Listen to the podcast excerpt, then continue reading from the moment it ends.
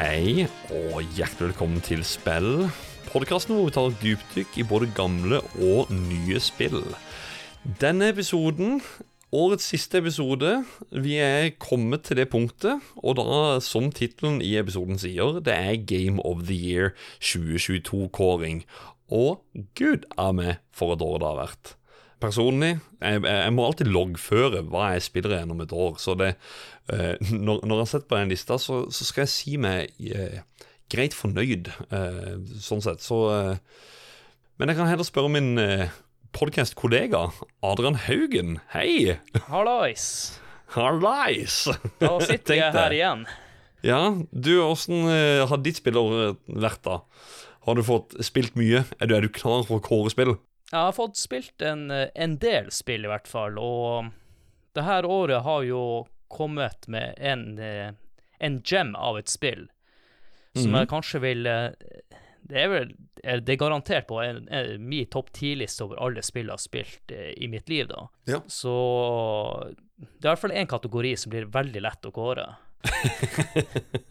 Ellers ja. så har jeg jo noen andre kommentarer også litt seinere når du skal Eh, vi har noen flere kategorier vi skal eh, ja, komme med ei kåring, da.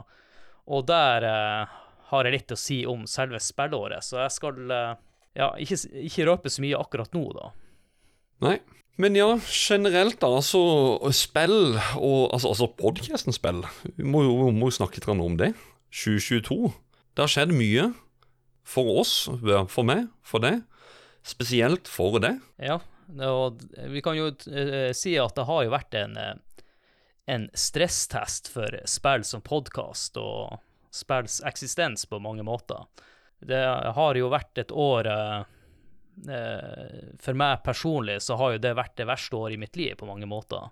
Mm. jeg kan jo begynne helt tilbake til når vi gikk inn i 2022, og så tenkte at 2022 skulle bli mitt liv. Eller ikke mitt liv, men mitt år. Din one-up. Nei da. jeg kunne ikke tatt eh, Eller jeg hadde jo rett på en måte, men på annen side så kunne jeg ikke tatt mer feil.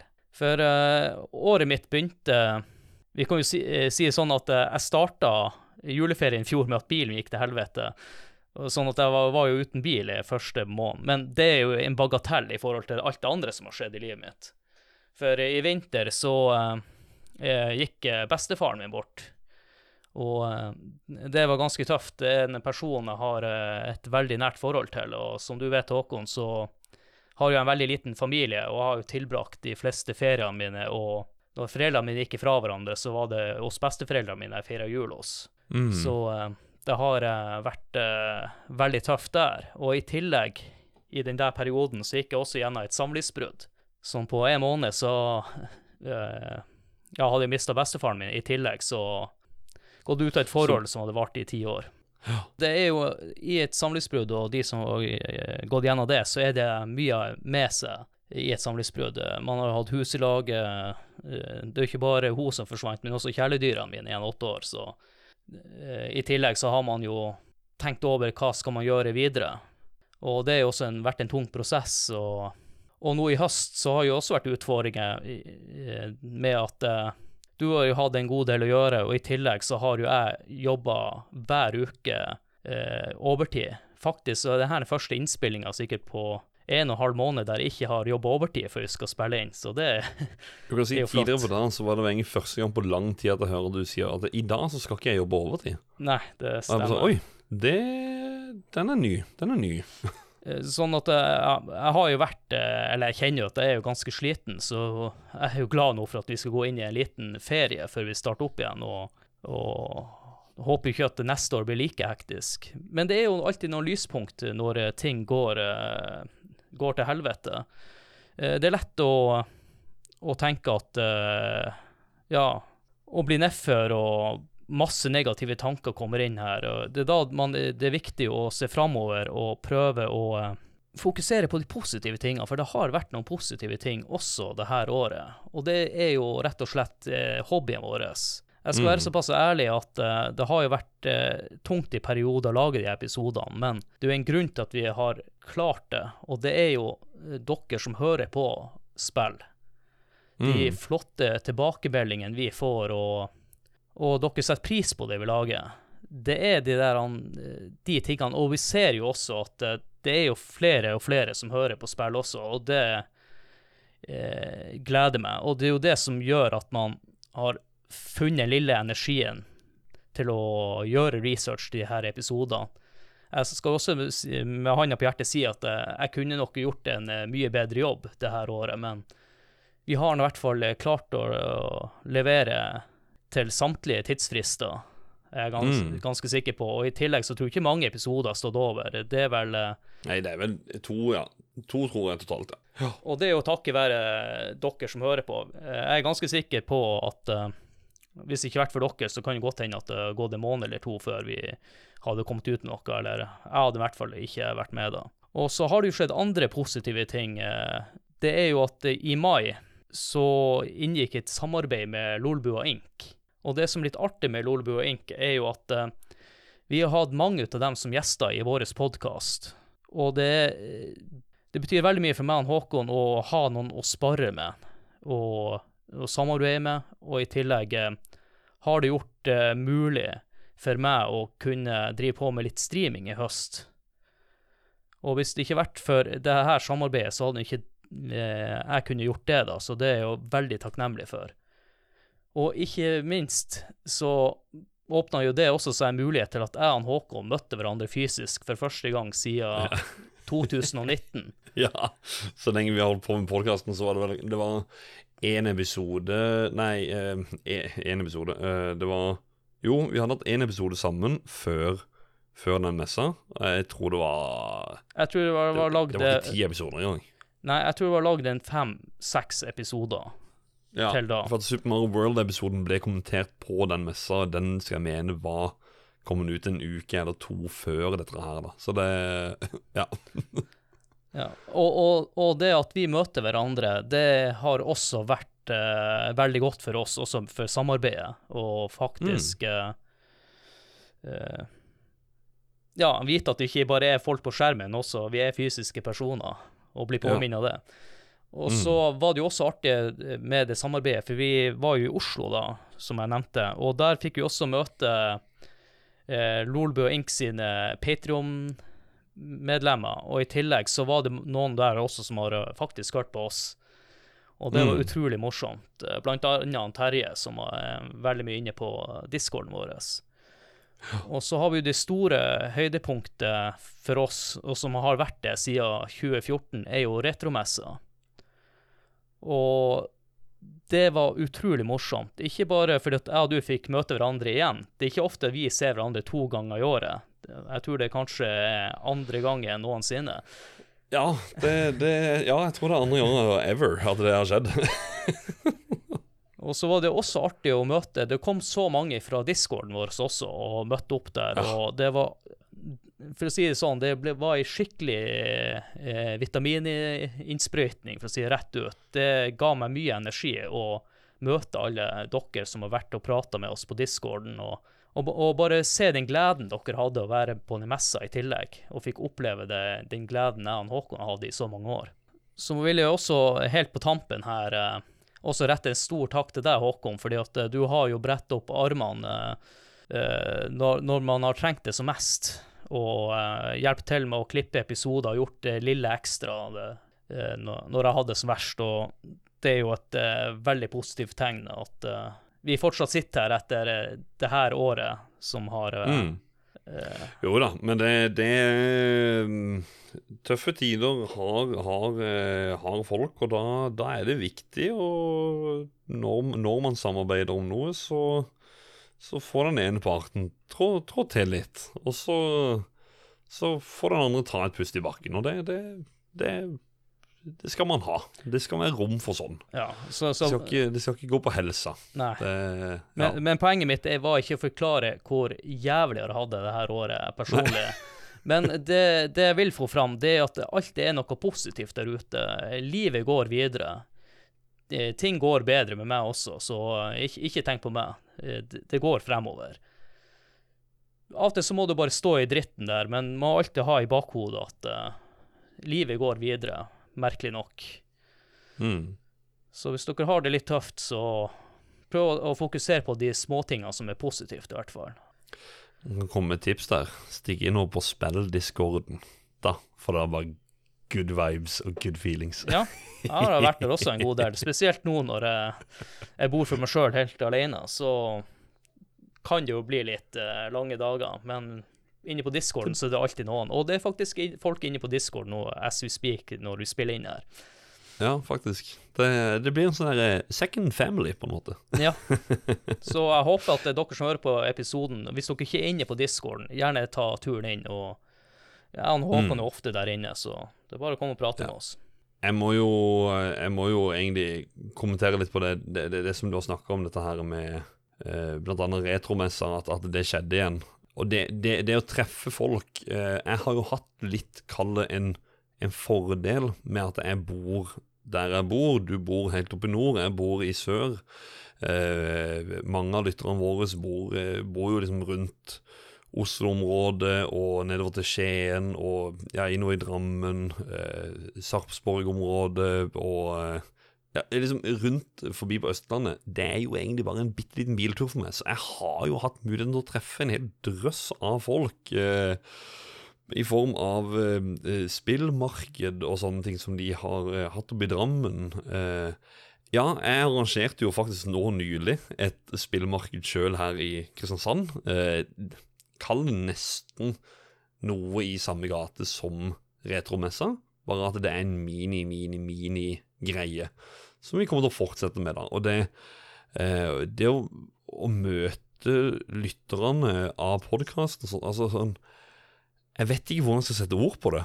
Jeg syns det er fuckings magisk, bare for Ja, rett og slett. Det er, det, er, det er, noe helt unikt. Og så er det så gøy å se den gjengen som er blant annet inne på Discord. Uh, når du sa retromessa, og vi var ute på, uh, på Gulating, og vi hadde det som Vi lagde jo Vi lagde en event som heter Forspell. Veldig bra. Det var jo den ene kvelden der Vi, vi hadde reservert uh, to langbord. Første kvelden så tror jeg det var en sånn her oppå 35 eller et eller annet. Og så var vi nærmere 50 stykker eller noe dagen etter. Ja. Det var kanskje ikke bare lyttere, men, men det var fortsatt sånn derre Du kjente alle som var der, og til og med det å gå inn der og Jeg har ikke møtt uh, alle disse her før. Jeg har snakka med dem på Discord, men det å gå inn der og så er det sånn Neimen, ja vel, godt å se det. Uh, lenge siden sist. Uh, men ja, vi har jo aldri møttes. Men, men, det er liksom sånn Vi føler at vi har møttes og hengt sammen og sånt. Så det Ja, nei, det, det, det, er, helt, det er, helt, unikt, vi, rett og slett. Uh, vi håper jo å få det her til neste år også, på neste messe, så det er for mm. vorspiel-eventet. Men ja. Uh, podkasten også. Ja, vi har, jo, vi har jo faktisk lagd noen episoder, så jeg tenker eh, vi kan jo gå litt tilbake til starten av 2022. Eh, ja. Der vi lagde Super Mario Bros 2. Ja, for det året før så lagde du Super Mario Bros 3. Ja. Er det, er det hint til at vi Nei, kanskje ikke. Who knows? Hva begynner vi med? ja, vi får se også, fordi at ja. jeg, jeg, kan jo si det med en gang at uh, januar og februar for meg ser ut som det blir mye overtid, så vi, jeg og Håkon vi har en kabal vi må finne ut om hvordan vi skal gjøre ja. det. Så vi tør ikke å love ja. noe her og nå. Mm. Og så hadde vi jo GTA San Andreas. Veldig gøy episode med Erling Rostvåg fra Spillmatic. Ja, artig å prate om eh, GTA. og det som jeg også syns var veldig morsomt å, prate om, det var jo den LAN-episoden. Og mimre litt tilbake til gode, gamle LAN-minner. Ja, stemmer. Det er mm, første Spellbreak-episoden for året, faktisk. Og apropos Spellbreak, vi gjorde et løfte, og jeg føler at vi har levert på det i år. At det skal bli mer Spellbreak.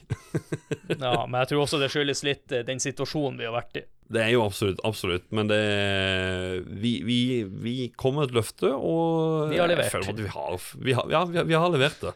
Vi har levert det. da var det faktisk eh, spellbreak rett etter der òg, der vi begynt med en såkalt serie, uh, eller jeg vet ikke om vi skal kalle det for det, men hidden gems. At vi drar frem det vi mener er skjulte perler. Så vi har snakka om uh, Super Nintendo, og så for ikke så mange episoder siden, to episoder tilbake, så snakker vi jo om eh, skjulte perler til PlayStation 2. Ja. Det, det er moro. Det var veldig moro med PlayStation 2. Eh, som vi sier i episoden, så var ikke en eh, konsoll eh, i hvert fall jeg eide, men det var artig å søke litt i spillbiblioteket til PlayStation 2. Mm. Og så vil jeg også trekke frem eh, Vi hadde jo lagd en eh, Sonic-episode der vi fikk selveste norske Sonic til å introdusere episoden. Stemmer. det, det er han eh, norske stemmen til, eh, til Sonic i eh, Sonic the Hedgehog-filmene. De spillefilmene. Det var moro. Ja, og så fikk vi jo også snakka litt om Half-Life 2, som er et spill som egentlig har egentlig vært på lista vår i, i ganske mange år, så det var greit å få lagd den episoden. Men nå er jeg jo litt ferdig med de Half-Life-episodene, tror jeg, for en liten periode. Men vi får nå se. Det har jo kommet noe Orange Box og sånn, så ja. Ja, for Problemet mitt var det at jeg hadde jo egentlig lyst til å spille Half-Life 2 før denne episoden, her, men så var det bare nei. Så det ligger faktisk på bucketlisten min for spill jeg må spille. Ja, Kanskje han Håkon streamer det en gang i framtida. Ja. Uh, og eh, etter det så hadde vi jo en eh, Sega Saturn-episode som jeg syns var veldig interessant. Fordi eh, det er jo en uh, konsoll som har litt av en historie bak seg, og er liksom uh, nederlaget for, eh, for Sega generelt.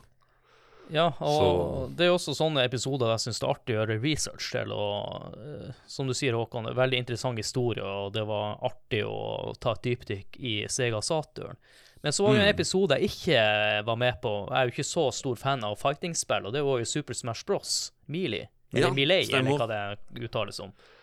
Der hadde jo jeg med meg Adrian fra Bross, og så eh, var det Vegard Nyeng, som er gammel veteran, eh, norgesmester. Men apropos fighting, vi snakka også om Final Fight, og vi hadde med oss Jostein Hakestad fra Rad Crew, og snakka om eh, Arkadeklassikeren Final Fight. Jeg syntes det var interessant at vi kunne prate så mye om et eh, så enkelt uh, Arkade-slåssespill. Og som Eh, ikke er så langt. Ja, som ikke er så langt heller. Er- Og så er det så mye å prate om. Så interessant. Men et spill som er, har litt mer å prate om, egentlig, eller, eller eh, ikke mer å prate om, men som er ganske mye større, det var Chrono Trigger. Det er litt større enn Final Fight. Ja. Og, Ja. og, og jeg er jo litt spent på litt senere i episoden hvordan det spillet gjorde det, for jeg husker vi var veldig Vi slo på stortromma med karakterene, så Det Men- gjorde dere. det du, det er du som sitter med fasiten, så vi får jo se Yes. etter hvert. Ja, men eh, en annen episode som jeg syntes var veldig interessant, det var en eh, ball du hadde starta i gang og snakka med gutta fra Deephead Studios. Som er dreven av Simon Stafsnes Andersen og Jo Remi Madsen. Hvor eh, de snakker om det å være eh, spillutviklere. Mm. og reisen til Deephead Studio. Eh, utrolig spesiell episode eh, for de som har hørt den. Eh, når, når- vi lager en episode, så, så, ja, så har vi jo alle sammen fått klipp i her sammen, og da ser du lydbølger eh, ifra hvor vi prater. Eh, de lydbølgene til meg og Adrian, det var nesten ingenting, fordi at det, de hadde så mye å fortelle, og det var så mye interessant, så det var nesten for oss som hører på en podkast, i tillegg til at vi drev en podkast. Ja, utrolig gøy og spesielt. På mange måter så er jo det min uh, favorittepisode i år. Det var nesten som at For det om vi hadde podkasten, som du sier, Håkon, så følte jeg mer at jeg bare satt og lytta. Ja. Så, så det er nå min, eh, kanskje min favorittepisode det her året. Mm. Men en annen episode vi lagde, det var jo ny spillbreak, det her òg. Det var jo bilspill. Og endelig fikk jeg snakka litt om mitt eh, favorittbilspill, da, som er Top Gear til eh, Super Nintendo. Så, Ja, og jeg fikk, og jeg fikk, jeg fikk skreke 'Crazy Taxi'! Ja. og det har jeg hørt mye i etterkant. ja vet nok hvordan du spilt noe 'Crazy Taxi'? Bare, yeah. Men en annen episode som jeg heller ikke har vært med på, det var jo du, Håkon. Det var jo et event på Highscore. Ja, igjen, Trond Borgersen. Thank you, man. Uh, han ordna en sånn, eh, sånn Zoom-mikrofon, og så tok jeg med meg den, og så dro jeg oppå på Highscore Arkade- og flipperspillforening, som er her i Kristiansand. Og det Det var en gøy episode å lage. Prate med forskjellige folk som er med i turnering, og eh, arrangørene eller de som driver den foreninga og sånne ting. Veldig, veldig interessant. Og apropos Crazy Taxi, så står det Crazy Taxi der oppe. Dødskult. Og da var det vel sommerferie. Og da Ja. Og da kjørte vi i gang med en ny konsollepisode som var PlayStation 1. Som eh, Mm. artig å snakke om, siden det var den første PlayStation-konsollen. Ja. eh, jeg var jo den som Altså, jeg var jo alltid Nintendo-gutt, så det var jo litt sånn der eh, ja, Det er moro å ta en litt sånn dypdykk i storyen til PlayStation nå, selv om at jeg har, en har hørt det før. For det om du hørte før, eh, Håkon, så er det ikke sikkert at alle lytterne har hørt uh, historien til PlayStation før. Så Nei, nei, det har det. vi, vi bruker å glemme det at eh, vi tror all kunnskapen vi har, har også alle andre, men det er ikke bestandig at det stemmer. Eh, så snakka vi jo faktisk Dette var det første Gameboy-spill vi snakka om. Eller egentlig ikke, for vi har nevnt Gameboy-spill før, men en dedikert Gameboy-episode som var Super Mario Land 2. Six Golden Coins, som eh, Igjen, litt sånn som med Final Fight. eh, Et, et bitte lite Gameboy-spill. Så kan vi prate om et lite Gameboy-spill. eh, Det, det er mye å prate om når det kommer til det spillet. Og en kunne prata mer. Og så kom vi jo med en reportasje fra retromessa, men jeg føler vi prata litt mye om retromessa i stad, så vi kan jo hoppe over den, rett og slett. Jeg tror vi har nevnt retromessa i nesten hver episode, Ja. faktisk, i år. Så godt som, så Yes! Sjekk ut den episoden. Ja, og så Men- Etter den så var det en episode der vi snakka om et spill som jeg alltid har vært litt sånn nysgjerrig på. Har egentlig visst ganske lite om det, som var Earthbound. Mm. Jeg har alltid hørt om det, men aldri liksom satt meg ned og egentlig forstått den spinnville greia med det spillet. der, For det er Og så eh, kan jeg jo bare eh, ta, ta skateboardet videre og så eh, nevne Tony Hawk Pro Skater 2, som vi hadde. da, da var ikke du med. Det, for du har ikke noe forhold til Tony Hawk-spillerne. Jo, jeg har spilt Tony Hawk-spillene, Ja. uh, i hvert fall de første, men uh, ikke toa, tror jeg. Nei, Jeg var litt ferdig det- med skateperioden min da. Jeg var jo skater på, på slutten av 90-tallet, så Mm. Nei, det var eh, veldig, veldig gøy episode. Det er, det er så godt å mimre til det spillet der. Det er helt fantastisk. Så eh, gleder meg til å fortelle oss har gått, på den, eller, gått med det på lista eh, for Spell of the Year. Eh, Neste episode var jo Halloween-spesialepisoden vår, som vi spilte inn litt tidligere enn vanlig. Eh, Det her er også en, eh, kanskje en av mine favorittepisoder òg, fordi at eh, spillet har mye mer dybde i seg enn det man eh, eh, man trodde når man var yngre. Og vi snakker Mm. om mye om det i episoden, og de, hvor bra det egentlig er. Og det er Silent Hill 2. Ja, ja for nå, tenkte nå, nå har ikke du fortalt hvilket spill det er, men ja, Silent Hill 2, ja. Ja, må jo bygge opp spenninga litt. Men det, men det, ja, absolutt. Og det var første gang jeg spilte det også, før vi eh, Før vi skulle spille inn den episoden, så, så spilte jeg inn uh, Nei, så spilte jeg spillet. Og det samme gjorde jeg jo med Silent Hill én år før, så det, det var en sånn Det er en veldig interessant opplevelse. Og Silent Hill 2 får en remake nå, så folk må bare kaste seg på. Det er søren meg et av de beste spillene noen gang lagd innenfor sjangeren. Uh, hvis ikke det beste spillet innenfor sjangeren. Altså horror. Ja, vi, vi, vi skal ikke hoppe, eh, begynne å ta den diskusjonen om hva som er best, for da Nei. har vi en eh, Tenker på Vi får en, eh, en haug med kommentarer er på episoden. Ja. ja. Det er topp tre, i hvert fall. Uansett om folk vil eller ei. Kanskje det her blir en spillbreak-episode der vi snakker om uh, forskjellige typer horrorspill. Ja. Og ja, og apropos spellbreak, så eh, hadde vi jo enda en spellbreak. Som jeg sa, vi hadde lovt mer spellbreak. Mer ble det. Og da hadde vi tak i MCA, eh, streameren, og prata om det å være en streamer, Ja, rett og rett og slett. Mm. Og jeg må ærlig innrømme at de her episodene vi nevner nå, de har gått litt sånn eh, eh, med hus forbi. Jeg har vært i zombiemodus siden slutten av september, så jeg husker ikke så mye av det her. Men det var artig å høre litt til hennes uh, hvordan det er å, å leve som streamer og ting du må ta hensyn til og sånne ting. Så man har jo lært seg noen uh, eh, ting og tang der. Og så spøkte jeg jo med at hun ikke måtte reide meg. Så uh, den første som noensinne har raida meg på stream, er jo MC-a, faktisk. og ga meg en skikkelig stresstest der. uh, Rett og slett. Uh, Det var en kar med, med panikk i øynene når det ramsa inn. Jeg vet ikke hvor mange. Det var noen, noen hundre som kom inn. Det. det var nesten 200 eller noe. Det ligger som klipp inne på twitch.tv slash spaell. Så jeg hadde litt av en ilddåp. Neste Neste ut var jo en PC-klassiker, Diablo.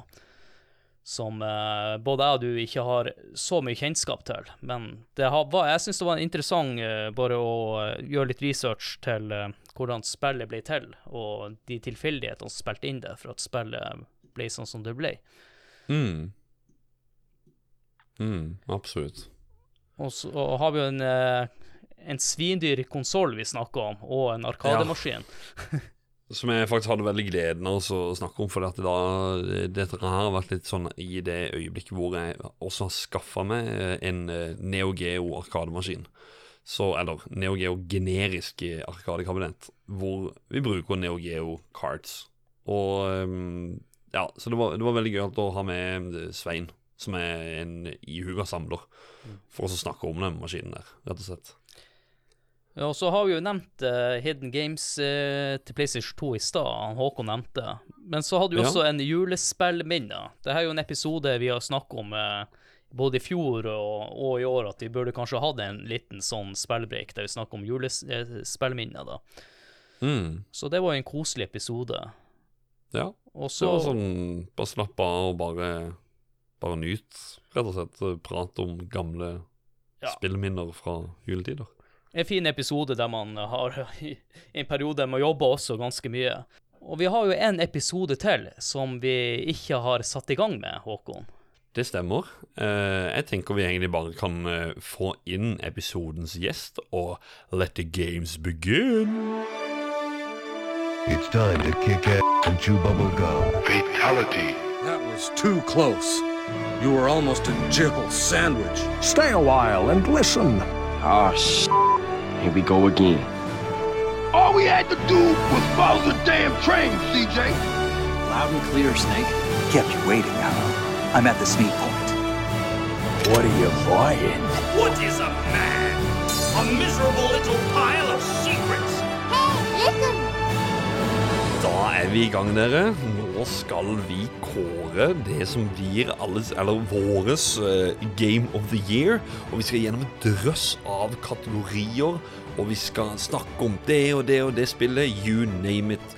Med Adrian vi har jo sittet her og prata, men jeg tror det er på tide å introdusere dagens gjest. Men jeg mener at den mannen trenger egentlig ikke introduksjon. For at han har vært med i episoder i rykk og napp helt siden spill, eller så lenge spillet har eh, eksistert. Det er Vestfossens o store sønn Ralf William Numelin. Ormåsen, takk. Men ja, det er Vestfossen. Ja. Ormo... Grattangen, eller er det ja, jeg kan si Grattangen, store sønn, Ja, som, ja, som flytta fra du Grattangen da han var liten unge.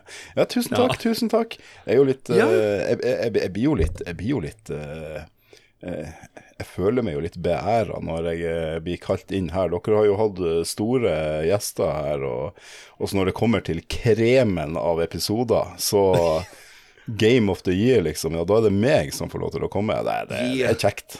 Det er kjekt. Ja. Jo, men du, du har jo også vært med i disse andre også, så det, det er også en sånn betryggende greie ikke sant? Å, ha, å ha deg med på det der med Game of the Year. For at eh, du har faktisk skremt meg litt av og til, så det er, jeg, jeg syns det er spennende. Så jeg er veldig spent på hva du kommer til å gjøre i år. Vi får se. Ja. Men, men hva syns vi? Eh, år i år, har det vært et sånn såkalt normalt spillår? Eller har det vært et sånn derre holy shit for et år? Eller har det vært et Nei. Skal, skal, jeg, hvem, skal jeg begynne? Ja, du kan jo egentlig ja. For at uh, i år er jo første gangen i mitt liv at jeg har blitt sykemeldt. Ja. Ja. Uh, jeg fikk jo korona til slutt, og da fikk jeg sånn her eh, long covid-shit. Og da mm. fikk jeg eh, faktisk spilt gjennom en del spill. Så for meg har det vært et veldig bra spillår, da. Men eh, eh, når jeg ser på lista jeg har laga med alle spillene jeg har, så er det jo ikke voldsomt mange av dem som kom ut i år. Nei. nei. Nei. Oh, ja, ok. Ja, så du, du har gått litt sånn på eh, gamle spill som ikke du har uh, Ja. The Bucket List, som jeg nevnte litt i Ja, og litt sånn anbefalinger og sånn her eh, Game of the Year fra tidligere år som viste seg å være noe jævla søppel. Returnal. Uh, og så eh, Så um, tenker jeg at eh, Ja, eh, Året starta jo hardt for min del da, med så mye hetsing rundt det at jeg satte Doom Eternal som eh, årets skuffelse i fjor, da, så Ja, bare det- vent til dere får høre årets skuffelse i år. Jeg er spent og jeg er nervøs. Hva syns du, Adrian? Jeg hinta jo frampå innledningsvis eh, i, i stad, da. Jeg blir å kanskje Jeg blir å spare det til eh, litt senere, når vi har årets Ja. skuffelse, rett og slett. Ja. Du sa jo årets skuffelse. Eh, Vi har jo en drøss av kategorier vi skal snakke igjennom.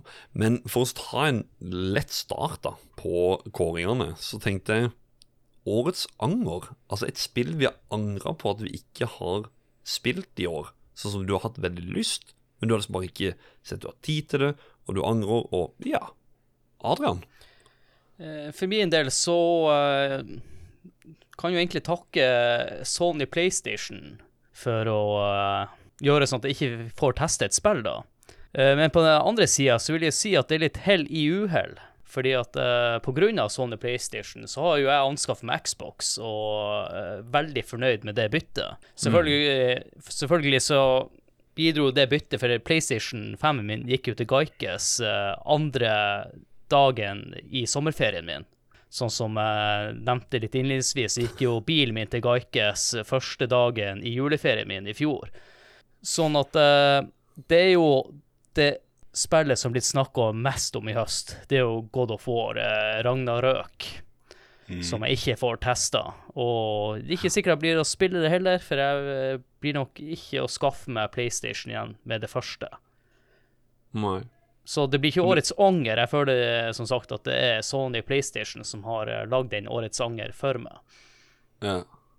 Og du, Ralf? Ja, årets anger, eh, det blir for meg eh, fortsatt jeg, Først så må jeg bare si, jeg må nesten fortsette den fra i fjor, da, med, med Super Mario 3D World and Bowsers Fury, som jeg hadde i fjor. Jeg har fortsatt ikke fått prøvd det. Nei! Nei, nei. Så jeg angrer jo på at jeg ikke har fått gjort det, for det kom jo så mye annet i år. Og så, ja, det, det har bare liksom eh, eh, Ungene er jo på Switchen. mm. Så jeg har ikke fått den i, i fred. Uh, men, men årets anger i år, det er for at jeg vet at jeg kommer ikke til å få tid Eller altså, jeg kommer ikke til å få tid til å sette meg ned og spille det, for det har ikke kommet ut ennå. Og det er Crisis Core Final Fantasy 7 Reunion. Uh, Ja. Det er et spill jeg har gode minner, med, minner fra på PSP. Det var eneste grunn til at jeg kjøpte med PSP back in the day. Eh, kjempebra spill. Eh, jeg håper at de ikke har gjort for mye forbedringer i hermetegn. Eh, så, så, eh, men annet enn det, så ja Det, blir, det blir min anger da, at jeg ikke Jeg kommer ikke til å spille det, men eh, ikke, ikke ennå, i hvert fall. Kanskje når Final Fantasy 16 kommer, i påvente av at det skal komme på Windows eller Xbox. Eller. For der har jeg igjen da Sony PlayStation. Jeg har jo det er greit at de driver og kjøper eh, eksklusiver i hytte og gevær, men eh, når Microsoft rører kod, da klikker alle sammen. Helvete, sånn. Ja.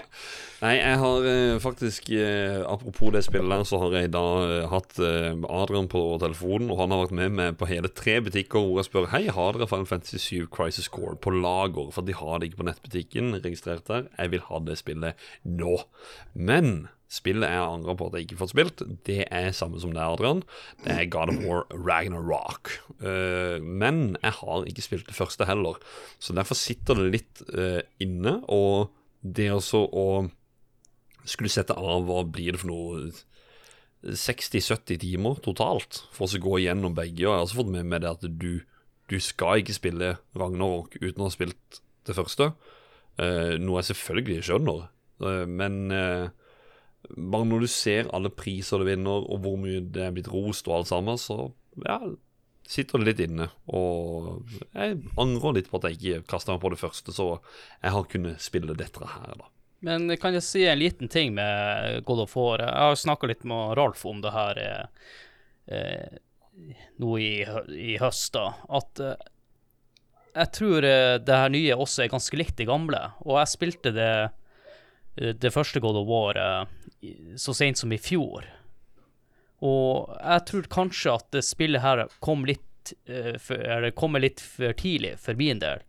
Så jeg blir nok sikkert å teste det ut litt seinere. Men det, eh, det er litt sånn som jeg når jeg i fjor spilte Mass Effect-spillene, og så begynte jeg på trea nå i vår. Da jeg følte jeg var litt lei den, den type gameplay. Så kan det også også her være litt hell i uhell med at PlayStation min gikk til Gaikes, så jeg faktisk forventa litt, og kanskje sette litt mer pris på spillet når jeg først skal spille det seinere. Mm. Ja, jeg, er, jeg er enig der at uh, jeg har sett litt fra det, og det er jo veldig likt. Det, det er på sam, lik måte med det nye Horizon-spillet. Det første, jeg føler ikke at jeg trengte en oppfølger, og så har jeg sett det liksom fra oppfølgeren, og det, det er et spill som for meg, det er ikke nødvendig. Eh, det, det interesserer meg ikke. Og for at, eh, det samme skjedde med Tomb Raider-spillene. sånn Tomb Raider 2013, knallbra. Rise of the Tomb Raider var veldig Altså, det var mer. Det var egentlig det som satt den her formen for sånne moderne, nesten åpne, men likevel litt lineære spill. Og så kommer det der tredje som bare er med. Med. Det var Ja, bare enda er mer. Sånn, Altfor stort. Det tok altfor lang tid å bli ferdig med. Ja, det er en sånn som Street Fighter, det. Bare melkes og melkes. Ja, ja, ja. Nei da, men da har vi i hvert fall snakka litt om våres anger. Og så da tenker jeg vi kan hoppe over til første kategori blant kåringene. Hallo, hallo. Dette er Frida Danmo fra Level Up. Jeg har i år gleden av å introdusere kategorien Årets overraskelse. For meg så må denne prisen gå til det fantastiske Tunic. Dette så først ut til å være en klassisk søt Zelda-inspirert opplevelse, men det som overraska meg med Tunic, var hvor mye unikt dette spillet hadde å by på. Det starter som en Soulsvania, men blir etter hvert en mulighet til å dykke ned i ganske intrikate oppgaver og mysterier. Det fantastiske instruksjonsheftet som du plukker opp side for side, gjør at alle ting du lærer, føles som en ny oppdagelse, og oppgaven The Golden Path er òg den stiligste questen jeg har vært gjennom i år. Jeg hadde skrivebordet dekka i Post-It-lapper for å prøve å løse både de siste oppgavene i spillet, samt språket som brukes i Tunic, og dette var virkelig litt av en opplevelse for min del.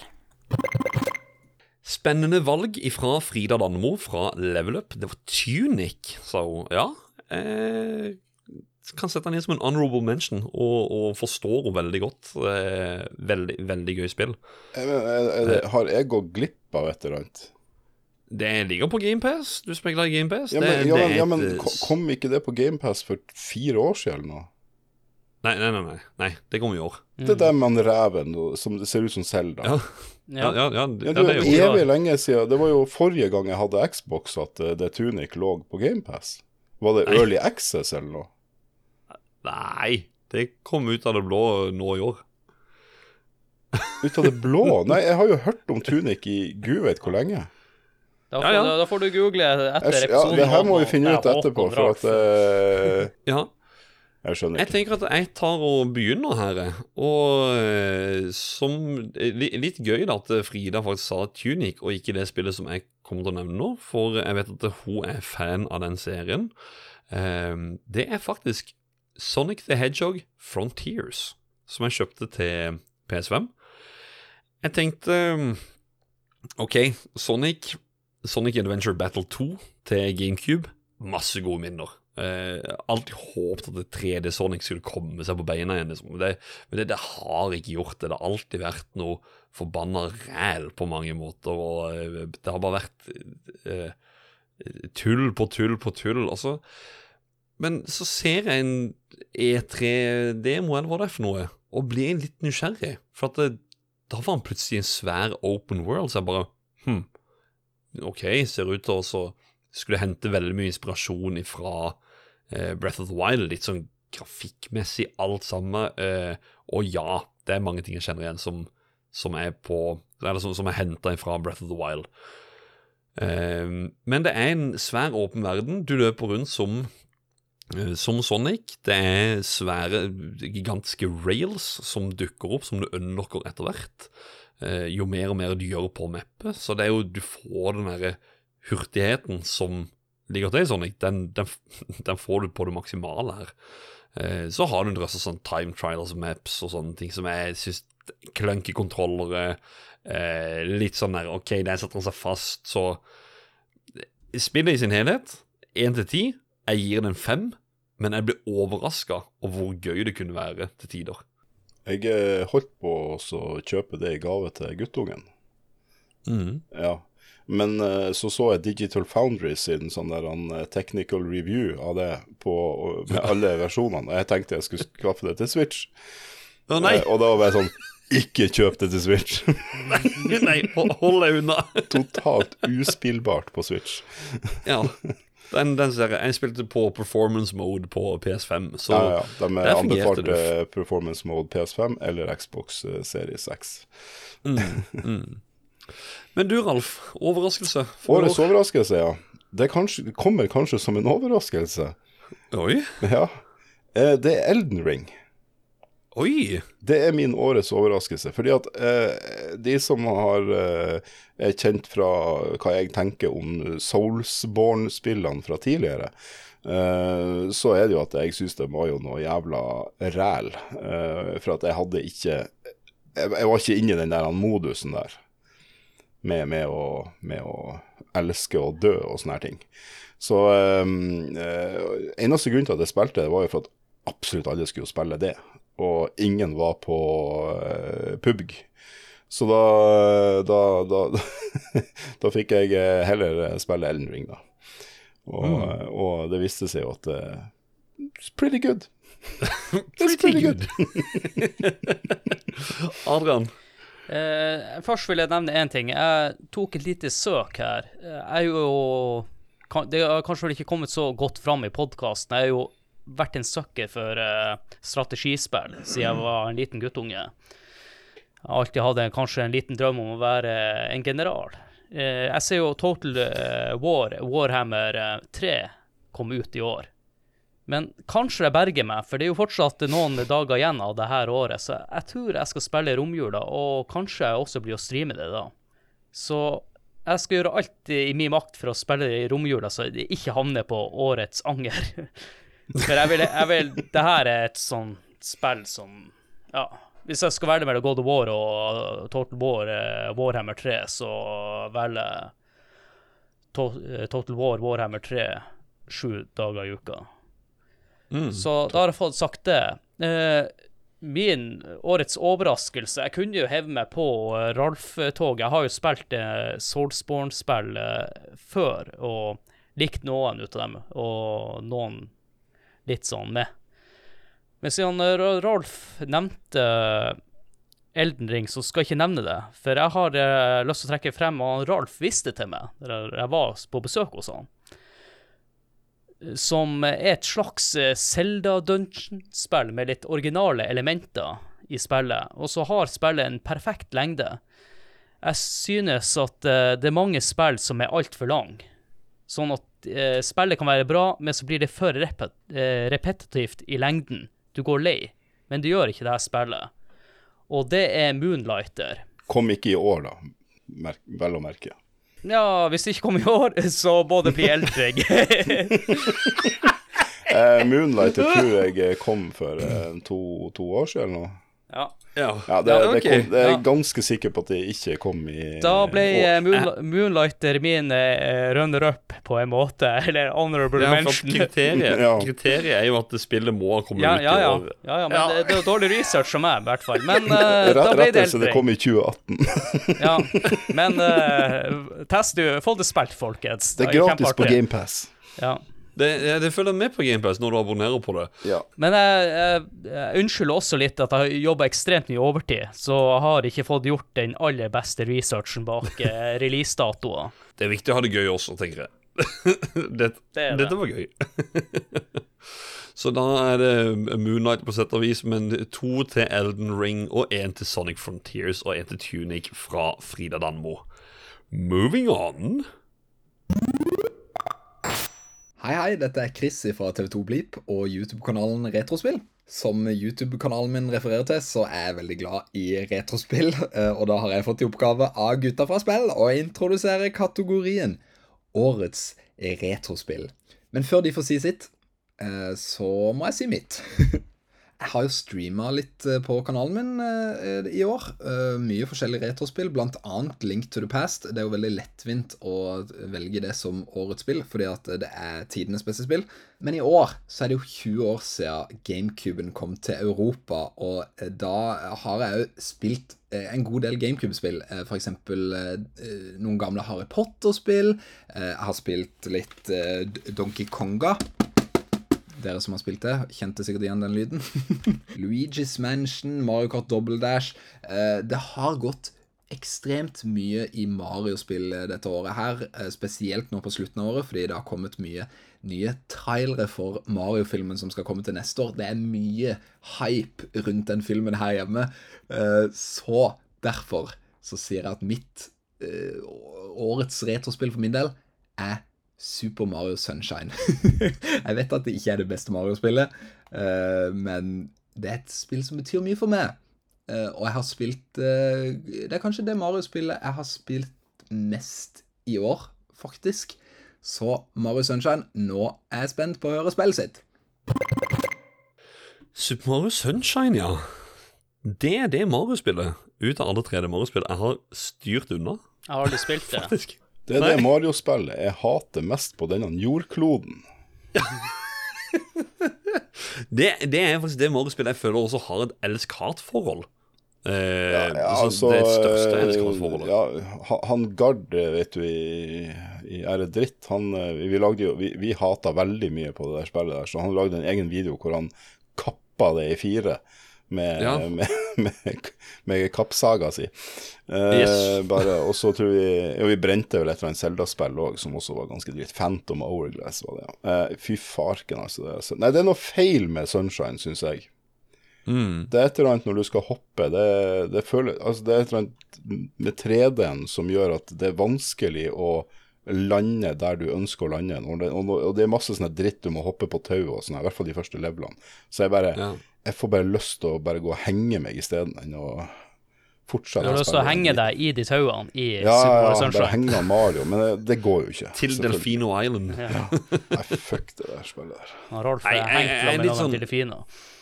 Jeg, jeg har jo skjønt at det spillet er kanskje noe jeg må gi et forsøk en gang. Men ikke sant, så nevnte jeg jo God of War i stad. Jeg tror jeg heller må gi noen av de timene til God of War istedenfor Mario Sunshine. Men eh, vi må komme med våres retrospill. Kriteriet eh, det er faktisk at det kom eh, senest ut 2006. Det er seneste det kan ha kommet ut. Adrian, spark ballen i gang. Ja, jeg og eh, Chris vi har jo noe til felles her. Jeg har jo også streama Selja Link to the Past, som er verdens beste spill. Men det er urettferdig hvis jeg skal trekke det fram hvert eh, jævla år. Jeg tror jeg egentlig ikke har trukket det frem noen ganger som årets retrospill. Men jeg har spilt eh, noen litt forskjellige typer spill. Jeg har også spilt eh, Kronotrigger, Trigger, men det vant jo årets retrospill i fjor, så jeg kan jo ikke ta det fram i år. Så valget står mellom to spill jeg aldri har eh, spilt før. Eh, ene spillet har jeg på en måte spilt bitte litt, men mest sett på andre spillet. Det ene var Earthbound, som jeg syns var et veldig unikt spill. Eh, det vinner ikke, for det, det snakka litt i stad om når det kom til eh, Moonlighter, som ikke kom ut i år. Eh, at det ble litt for langt. Eller Earthbound Det er en bra lengde, og spillet er bra. Er ikke, jeg skal ikke kritisere for at det er langt, men akkurat nå i høst har vært veldig hektisk. Så det andre spillet jeg skal trekke frem, og det som blir å vinne, er jo i horrorsjangeren. Jeg har jo streama det nå i høst. Uh, jeg er jo også en kar som elsker å se andre spille horrorspill. Livredd å spille dem sjøl. Og det er spillet jeg vil også trekke frem, er Resident Evil Remake 1. Eller Resident Evil 1 Remake. Men det her er HD Collection, som du Du vil helst spille den versjonen. Det, den gamle, den blir litt fort kornete. Mm. Uh, perfekt lengde. Uh, jeg hater å bli skremt. Og Håkon, vi har jo noen klipp der Håkon skremmer livskiten ut av meg. Uh, oh, Herregud og gullet. men, men det som er så bra med det spillet her også, at du har jo to karakterer, og Jill og han Chris, og de har litt forskjellige playthroughs, så jeg har lyst til å ta en Chris-playthrough litt senere, eller til neste år, eller noe sånt. Jeg får, så jeg skal få streama det også. Så årets rettsspill for meg blir Resident Evil 1 remake. Nice. Og ifølge rekkefølgen på, på lista som jeg har satt nå opp, så er det da min tur. Jeg vil bare skyte inn noe. Eh, det er ikke årets retrospill, men en opplevelse. Eh, Doom, gode gamle Doom, har et vanvittig stort og bra community som har drevet på i alle år. De har lagd noe som heter Odamex, eller Odamex, eller Odamex, eller hva det heter for noe. Med og disse tre brødrene våre fra podkasten Ragequit. Vi spilte fireplayer online Doom en søndag i Jeg tror det var eh, Jo, en søndag i januar.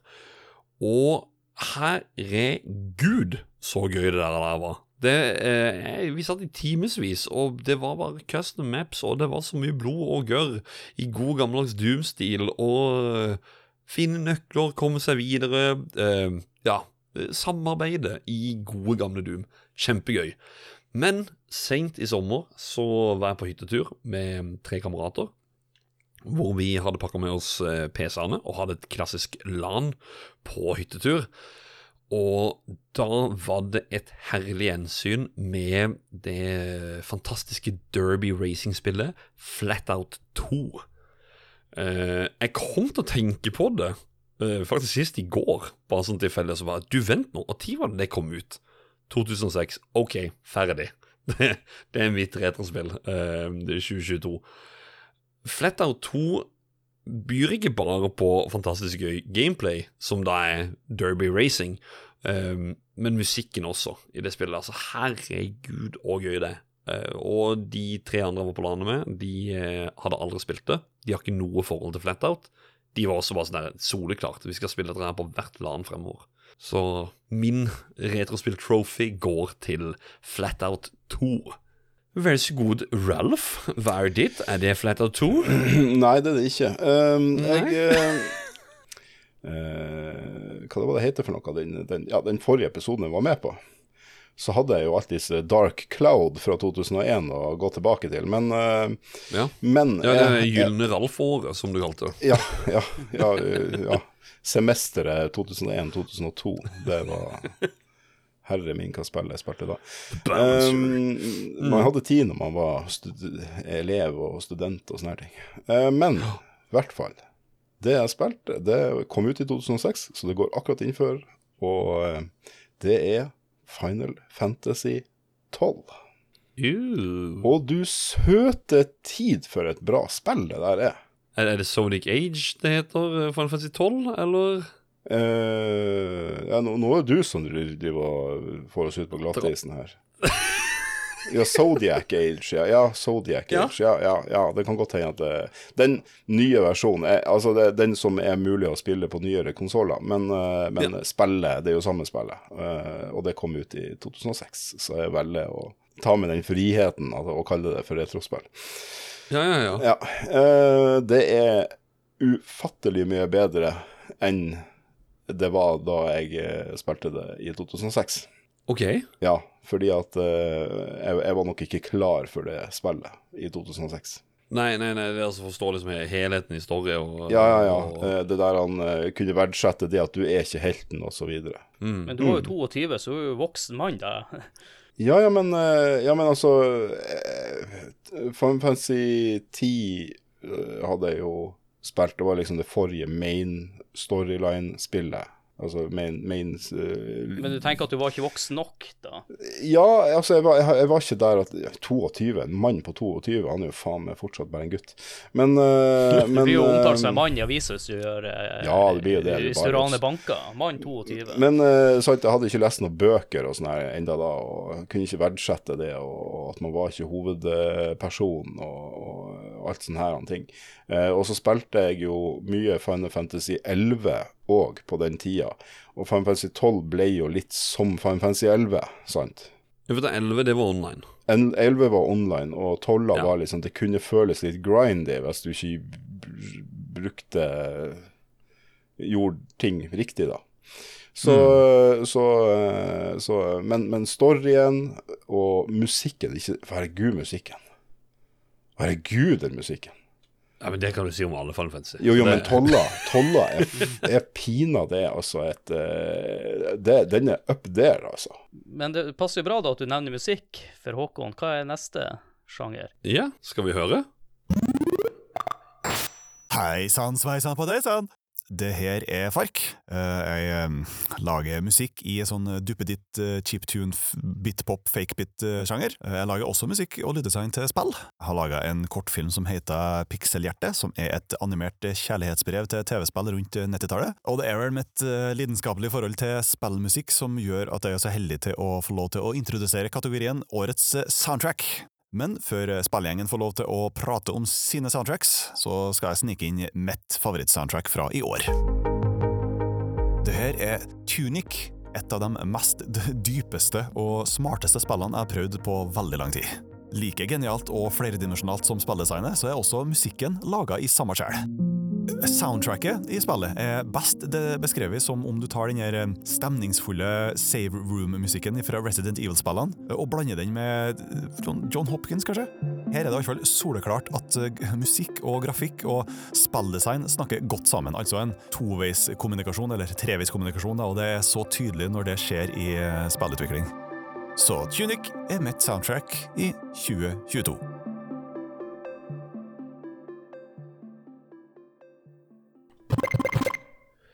Adrian, er du ikke enig? Du hørte musikken i bakgrunnen der. Mm. Oh, Det- Jeg vet hva Adrian tenker. Ja. Men jeg skal, jeg skal vente med mitt. eh, dere skal få lov til å komme med deres først. Ja, for at Ja. eh, Hadde spillet kommet ut i år, så hadde jeg jo sagt Moonlighter. For Sava, det er bra okay, musikk i det. OK, eh, folkens. eh, planen var her at jeg skulle starte sist, men dere har fått det sånn at jeg må starte her. For ja, han Ralf hadde rett. Moonlighter. Jeg har skrevet det er musikk som henger meg. Det drar meg tilbake til returverden. Eh, og så finner jeg ut litt tidligere her at spillet kommer ikke ut i år, så da må vi trekke inn eh, Moonlighter. Men nå har bare jeg dritflaks. Fordi at i år så har jeg jo sett veldig mye på Selja Link to the Past Randomizer.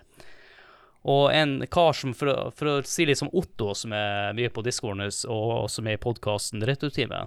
Han Andy Lasso, eller Andy Lasso, men som han sier, Andy Lasso, har brukt denne Tunic-musikken i stedet for Zelda-musikken. Han har uh, spilt sine game i Randomizer.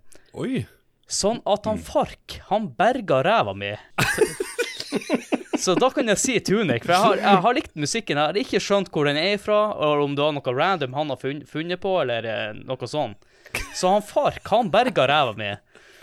Når jeg har Moonlighter her og Jeg tenkte, jeg kan ikke si Eldring, for det er faen ikke så mye musikk i Eldring, tenkte jeg. Så, så kom han med, spilte de her låtene og tenkte yes, yes, da blir det Tunic. Så Tunic kommer inn her fra sidelinja og rett på banen. Bare Tunic vinner, vinner årets uh, musikk. Uh, og Moonlighter er en honorable mention. Å, herregud, og bra. Å, Jesus. Jeg f- tar eh, jeg, jeg tar stafettpinnen videre her, Adrian. Jeg, jeg, jeg har valgt å passe på at det, det er fra i år, altså. um, altså, Fark er jo helt enig. Uh, Tunic, eh, musikken, og jeg er enig med deg også, Adrian, at det, det, det setter en sånn helt spesiell uh, uh, Jeg vet ikke Zen-mode, syns jeg nesten, i, i både lyder og musikk og alt. Um, og så er det et annet spill jeg må dra frem, som er Metal Hellsinger, som er en eh, first person shooter hvor musikken eh, er en stor del av gameplay. Det er liksom Hvis du skyter i rytme med musikken, så får du større kombo, da. eh, På, på killsene dine. Men, men hvordan hadde det vært med sangen I'm blue, da ba di ba da dei, og, skutt etter den? Det tror jeg har vært litt eh, fun. Ja, det, det hadde jeg, digga. Uh, og altså, så greia er jo det at um, uh, når jeg spilte det spillet, så, så satt jeg nærmere liksom og, og nikka med hodet sånn eh, Nei, ikke, ikke headbanga. Så satt jeg og trampa litt med føttene for å trampe i rytma. Løfta til og med datamusa av og til. Jeg falt, jeg falt helt inn i musikken. Han, Håkon Men- hadde jo et oppsett her. Han, hadde sånn, han har jo sånn pedalgreier til sånn bilsett. Han hadde pedalene, og så hadde han en fightstick i hver neve og spilte spillet her. Nei, det var ikke så galt. Men apropos fightstick. Hadde det spillet som vinner, det spilte med fightstick. Og det er Teenage Mutant Ninja Turtles eh, uh, Shredders Revenge. Soundtracket der, sann etterkommer til Turtles in Time, og ekstra stor shoutout uh, Han hører ikke, så den shoutouten er den driter han i. eller de. Uh, T-Loops, og, eller Lopes og Johnny Atma for låten Panic in the Sky. Altså, herregud, så hype man blir av den. Det er sånn 90-80-talls um, uh, Jeg vet ikke Surferocka musikk som bare Du, du sitter liksom og det, så, som jeg sa i stad, du sitter liksom og nikker med hodet imens du digger og hopper og slår, og du er Ninja Turtles. Uh, ja, og den låta er faktisk ene og alene grunnen for at jeg har lyst til å ha det soundtracket på vinyl. For det er så amazing. Men ja, så Turtles uh, Eller Teenage Mutant Ninja Turtles Shredders Revenge vinner. Jeg holdt på å flire med hjel her, eh, Håkon, fordi du er det er shoutouten til noen som, er, som prater engelsk, og alle blir høre på episoden. Jeg liker det. Du, men du velger, å gi en shoutout til likevel. Det er greit, det. Jeg vil gi eh, shoutout til uh, uh, kong Harald. Sånn har gjort det. han, han kan jo høre på. Ja, men tusen- Anyhow, Ja. før dette her blir all messy, Ralf, hva er ditt årets soundtrack? Først må jeg spørre, hvem er det som putta penger på deg i dag? Med? Gud bedre meg hvor du prater. Altså, Og så ja, men, og så eh, går du gjennom sånne halve spillkatalogen fra året som var, eh, før du kommer inn på det du faktisk skulle si. Så du har jo spoila min uh, soundtrack of the year. Tusen takk for det. Metal Helsinger. Soundtrack- Soundtrack Nei! of the year. Jo. Hm? OK. Ja, ja, ja, for, ja fortell, fortell. Ja, Metal. Helsinger. Ja, men altså, det er ikke veldig mange spillene som de har spilt i år, som kom ut i år, som har en bra soundtrack. Mm. Eh, Elden Ring har jo kjempemasse sånn stemning og greier, men det er jo ikke mye musikk i det. Det er jo bare i, i hovedmenyen. Så ellers er det jo stilt. Det er jo akkurat som i Zelda det siste Zelda-spillet. Det er, jo, det er jo stille for det meste. Men Ralf, um, må, jeg syns du må fortelle om eh, anledningen til at du fikk Ja, testa ja det for at spillet. det, det var det jeg skulle jo bilde opp til det her da. Eh, men eh, nå har han Håkon bare lalalala. Så jeg, jeg, jeg, rasa helt av. Men eh, greia var jo det at det her er jo et av de spillene som var på der han eh, Norges beste gamer. Nede på, på retro, uh, retromessa, heter det nå, ja. Re Retromessa. Ja, Uh, så, og det var et av de spillene. Jeg tenkte jeg hiver meg med på det der. Og så var det noen uh, Det var kun ett spill jeg hadde spilt før, og det var Dr. Mario. Og resten var jo jeg, jeg hadde hørt om mange av dem. Metal Helsinger, aldri hørt om. De hadde en demo av det, for det var ikke utgitt ennå da. Og, og det kom selvfølgelig ut på GamePass, så da var det jo bare å blæste i vei og sverdet i vei. Så ja. Der eh, knall, knallbra soundtrack. Men, fikk, men, men kjente du også på det som jeg nevnte? At, at du, Ja, du må, altså, du må eh, bom, ja, bom, ja, ja, bom, ja, nå sitter vi her alle for ja, ja, ja, vi sitter og nikker. Altså, det, hvis du går inn på uh, original soundtrack fra spillet, da, uh, også uh, på YouTube for eksempel, så, eh, så er liksom første tracken er jo den, den er jo amazing. Mm. Og, og det er bare tutorialen. Ja, det er bare tutorial-musikken. Sånn at folk kan bare sette litt forståelse på hva slags musikk det er. Så det er jo, det er jo metal som er, som er greia. Ja, det er metal. Og, Og så- og så funker har- det litt sånn som i Doom og Doom Eternal, Mm, at, eh, ja. at uh, musikken den, eh, eh, den, den, den, eh, den blir liksom du, du får mer av musikken når du gjør det bra. Og så er han så hissig at når du også bare sløyer demoner Altså, det er ingenting som Ja, det er veldig Ja, satisfying. Eh, men Ja. uh, annet enn det Jeg må også bare si at uh, Steike, du, du, du har virkelig fått uh, sånne annonsører i år. Holy moly. Jeg, jeg må jo bare til han eh, Var det Fark?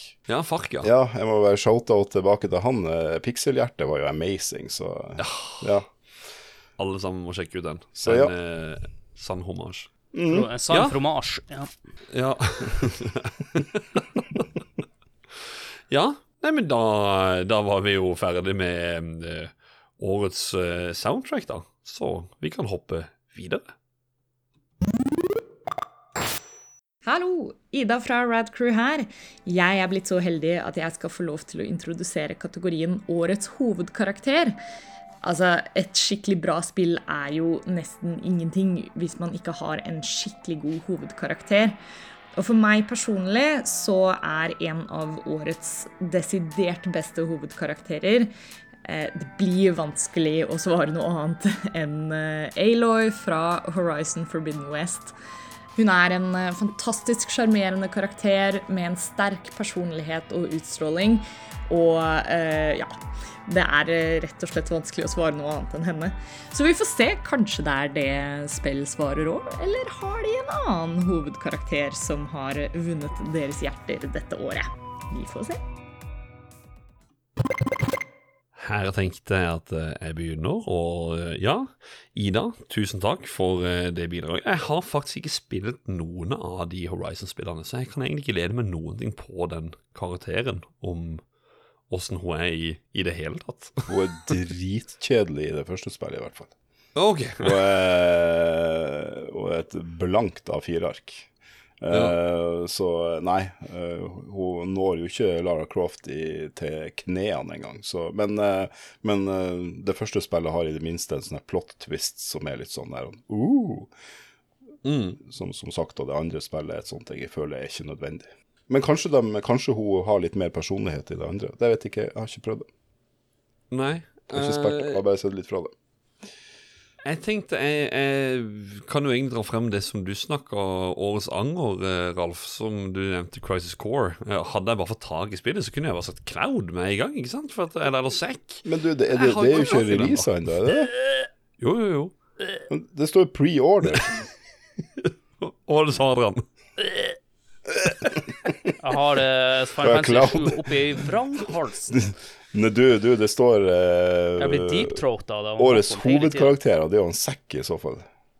Ja, ja, ja så, så det hadde jo eventuelt vært sekk, men jeg har jo ikke fått spilt det. Uh, jeg har ikke fått tak i det, som sagt. Det kom ut i uh, Ja, altså vi spiller inn nå, så kom det ut i går. Da det offisiell release, da. Um, men min uh, årets hovedkarakter Det var egentlig litt vanskelig å velge.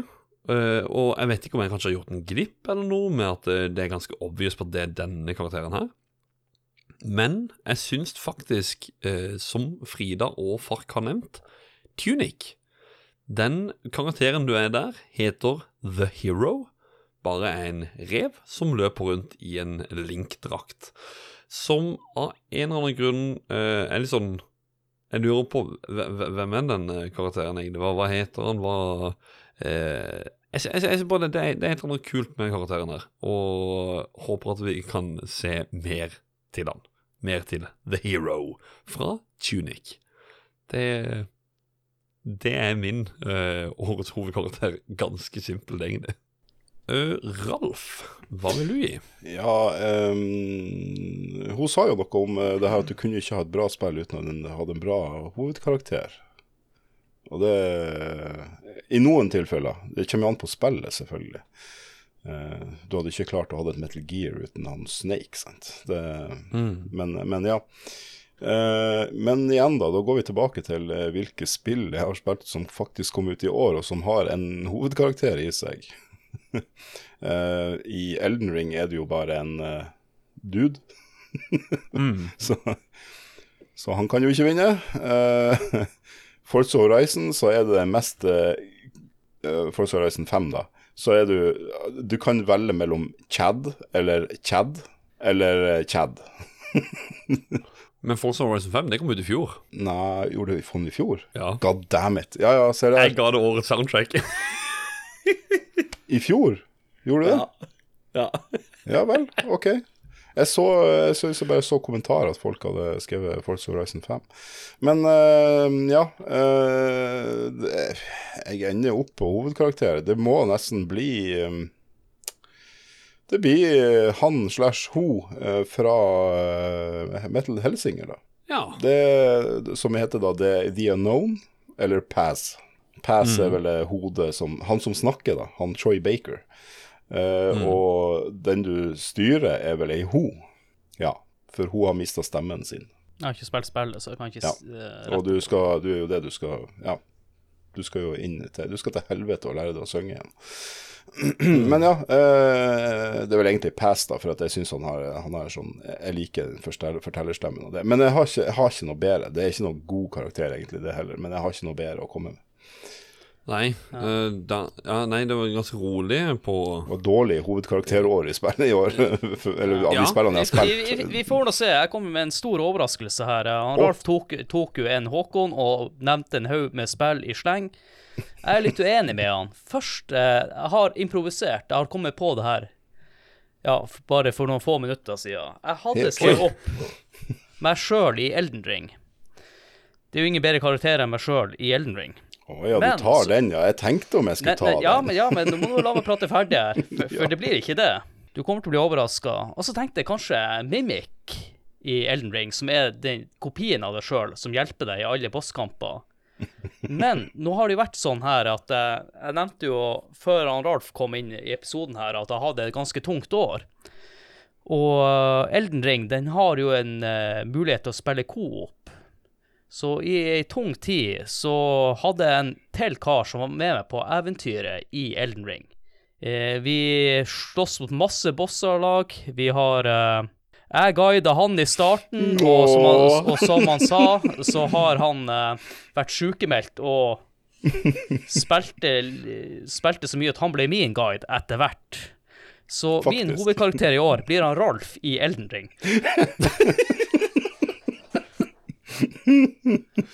Ralf griner. Ja. Å, han tørker på Åh. Oi, oi, der er noe med Ja, tørke opp, opp, opp i øyekroken. Men det sier jo mye om spillåret i år, da. Når det kommer til karakterer.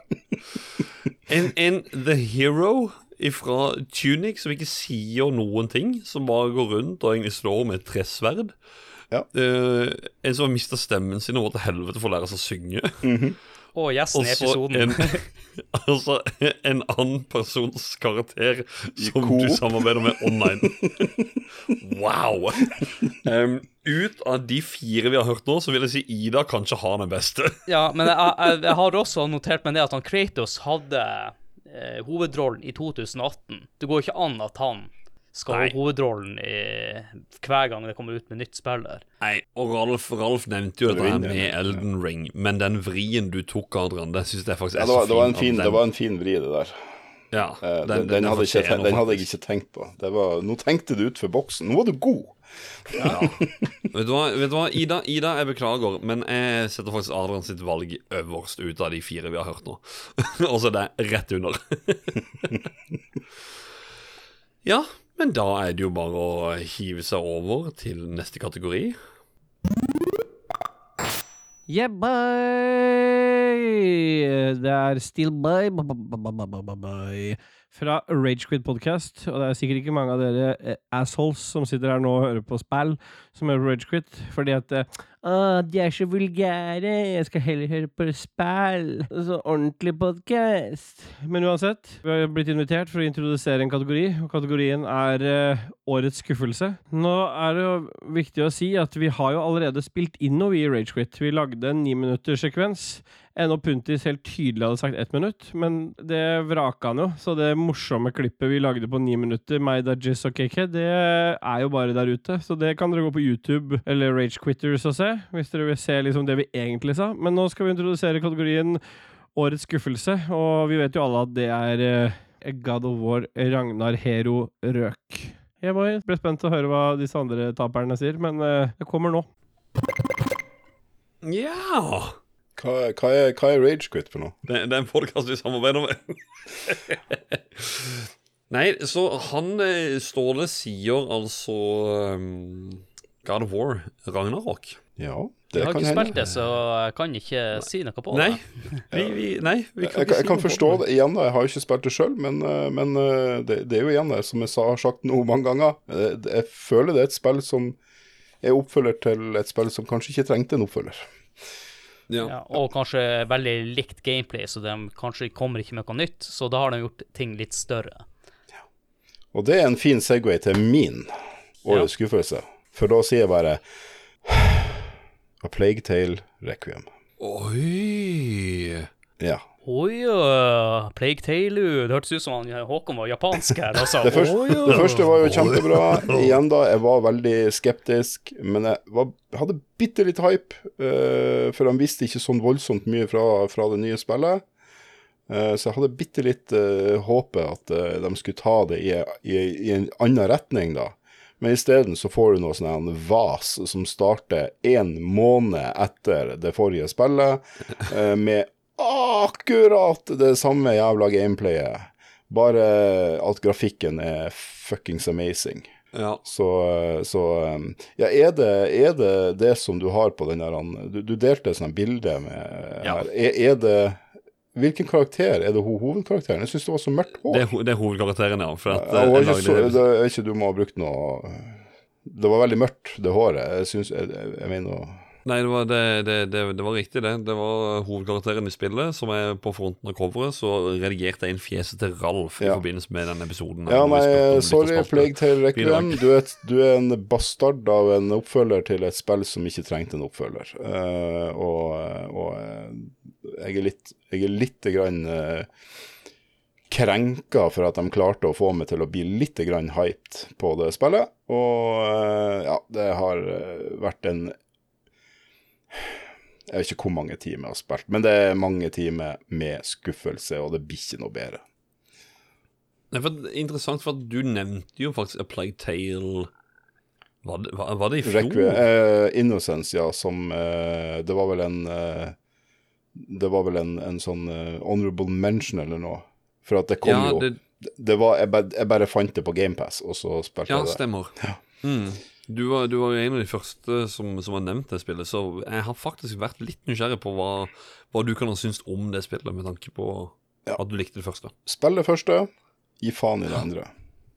Ja. Det, grafikk, amazing, men eh, alt det andre det er bare akkurat det samme spillet. Det er bare balle.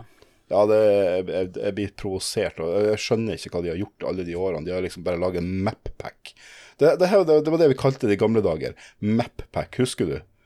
Unreal. Og så kom det en map-pack til Unreal Unreal, og til Doom, og til alle de spillene. Sånn. Så kom det en map-pack som ga deg Mm. noe, eh, noen nye levels og sånn. Det er det de skulle gjort. Det er alle de her eh, oppfølgerne eh, nå for tida. Det er akkurat samme forbaskede spillet. Og så kanskje de legger til en armbrøst, som de gjorde i dette tilfellet. Ellers er det akkurat samme spillet. Og vil dere ha lengre rage, så ringer Ralf. Så kan Ja, kan- nei, en time ja. til. Ja. Ja. Jeg, jeg, jeg, tar, jeg tar neste her. Um, det som er litt rart nå, det er at jeg har snakka om dette spillet her tidligere i kåringa. Uh, jeg ga det årets overraskelse. Og jeg sa fem av ti. Eh, fordi at eh, de fem andre av de ti skuffer så sykt at det igjen og igjen og igjen og igjen og igjen så dummer de seg med Sonic. Men nå var de absolutt inne på noe. Og var sånn derre eh, Som jeg nevnte, grafikk og sånt. Jeg, jeg skal være veldig kort her. Eh, det, er, det er bare det at det, det er så mye clunky greier som ikke funker. Og så er det sånn Hvis dere bare hadde fiksa det, så har vi faktisk Breath of the Wild Sonic, eh, eller Sonic i Breath of the Wild eh, på mye større verden igjen.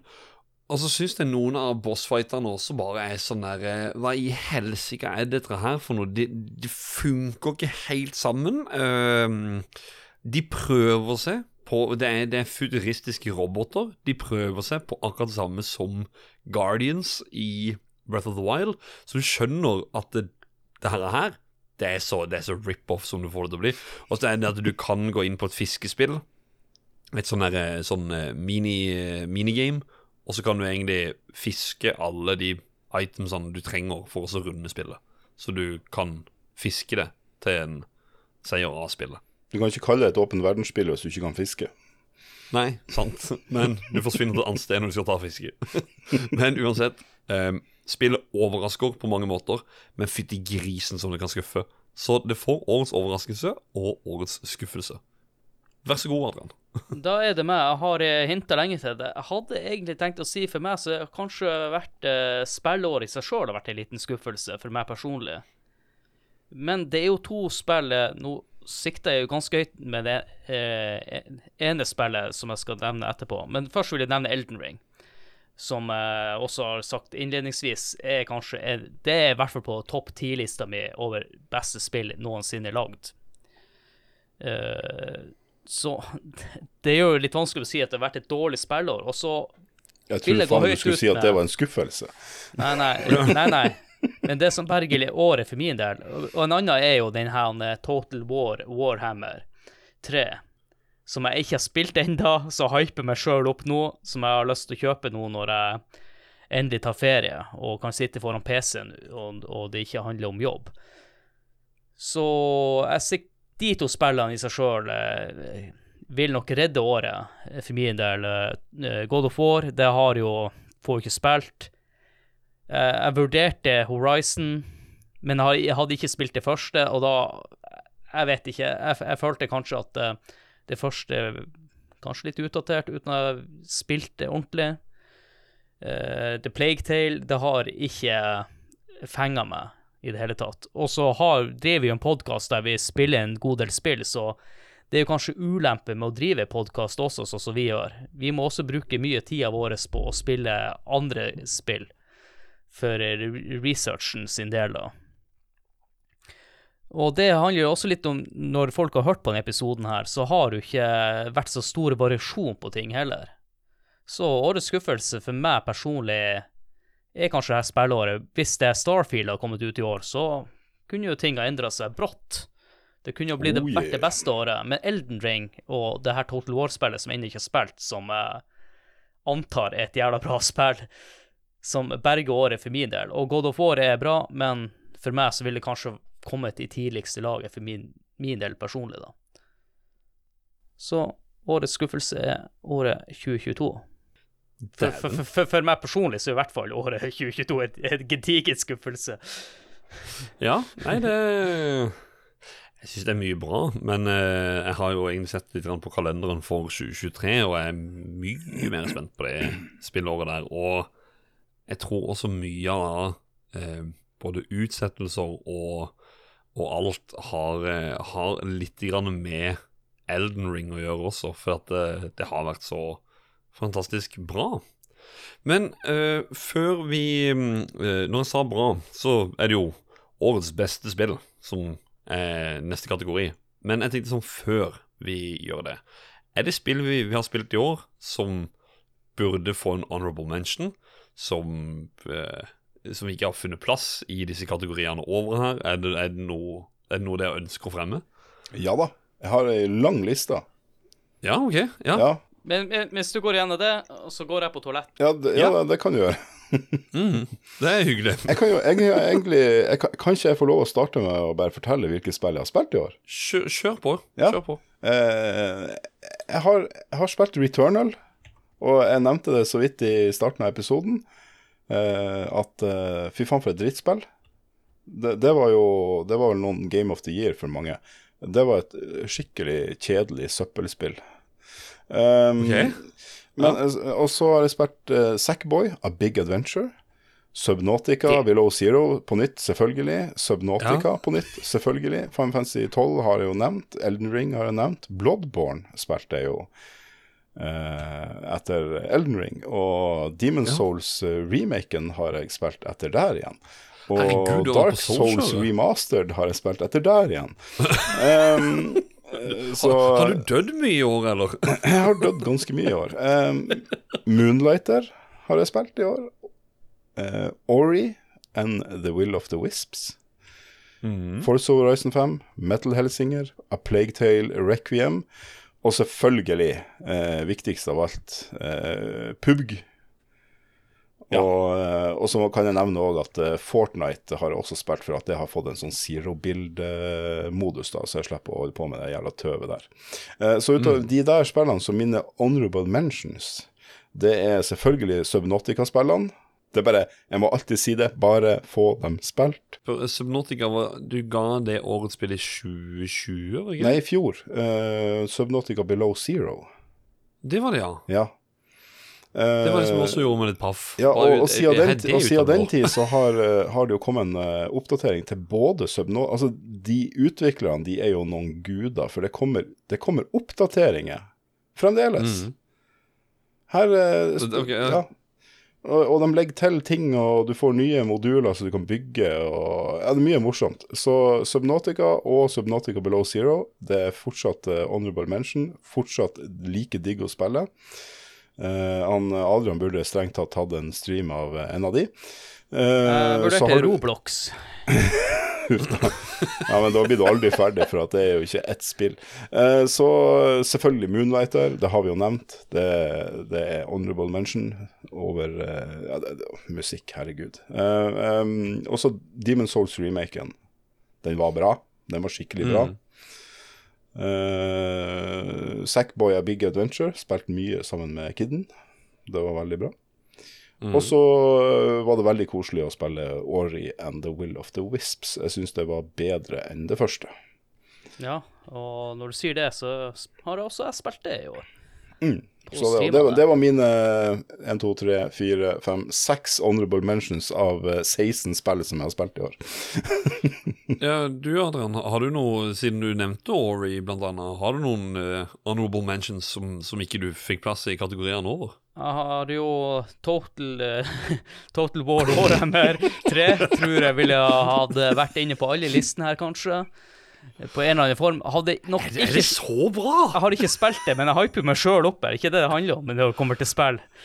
Hyper det opp, og så blir det skuffa etterpå.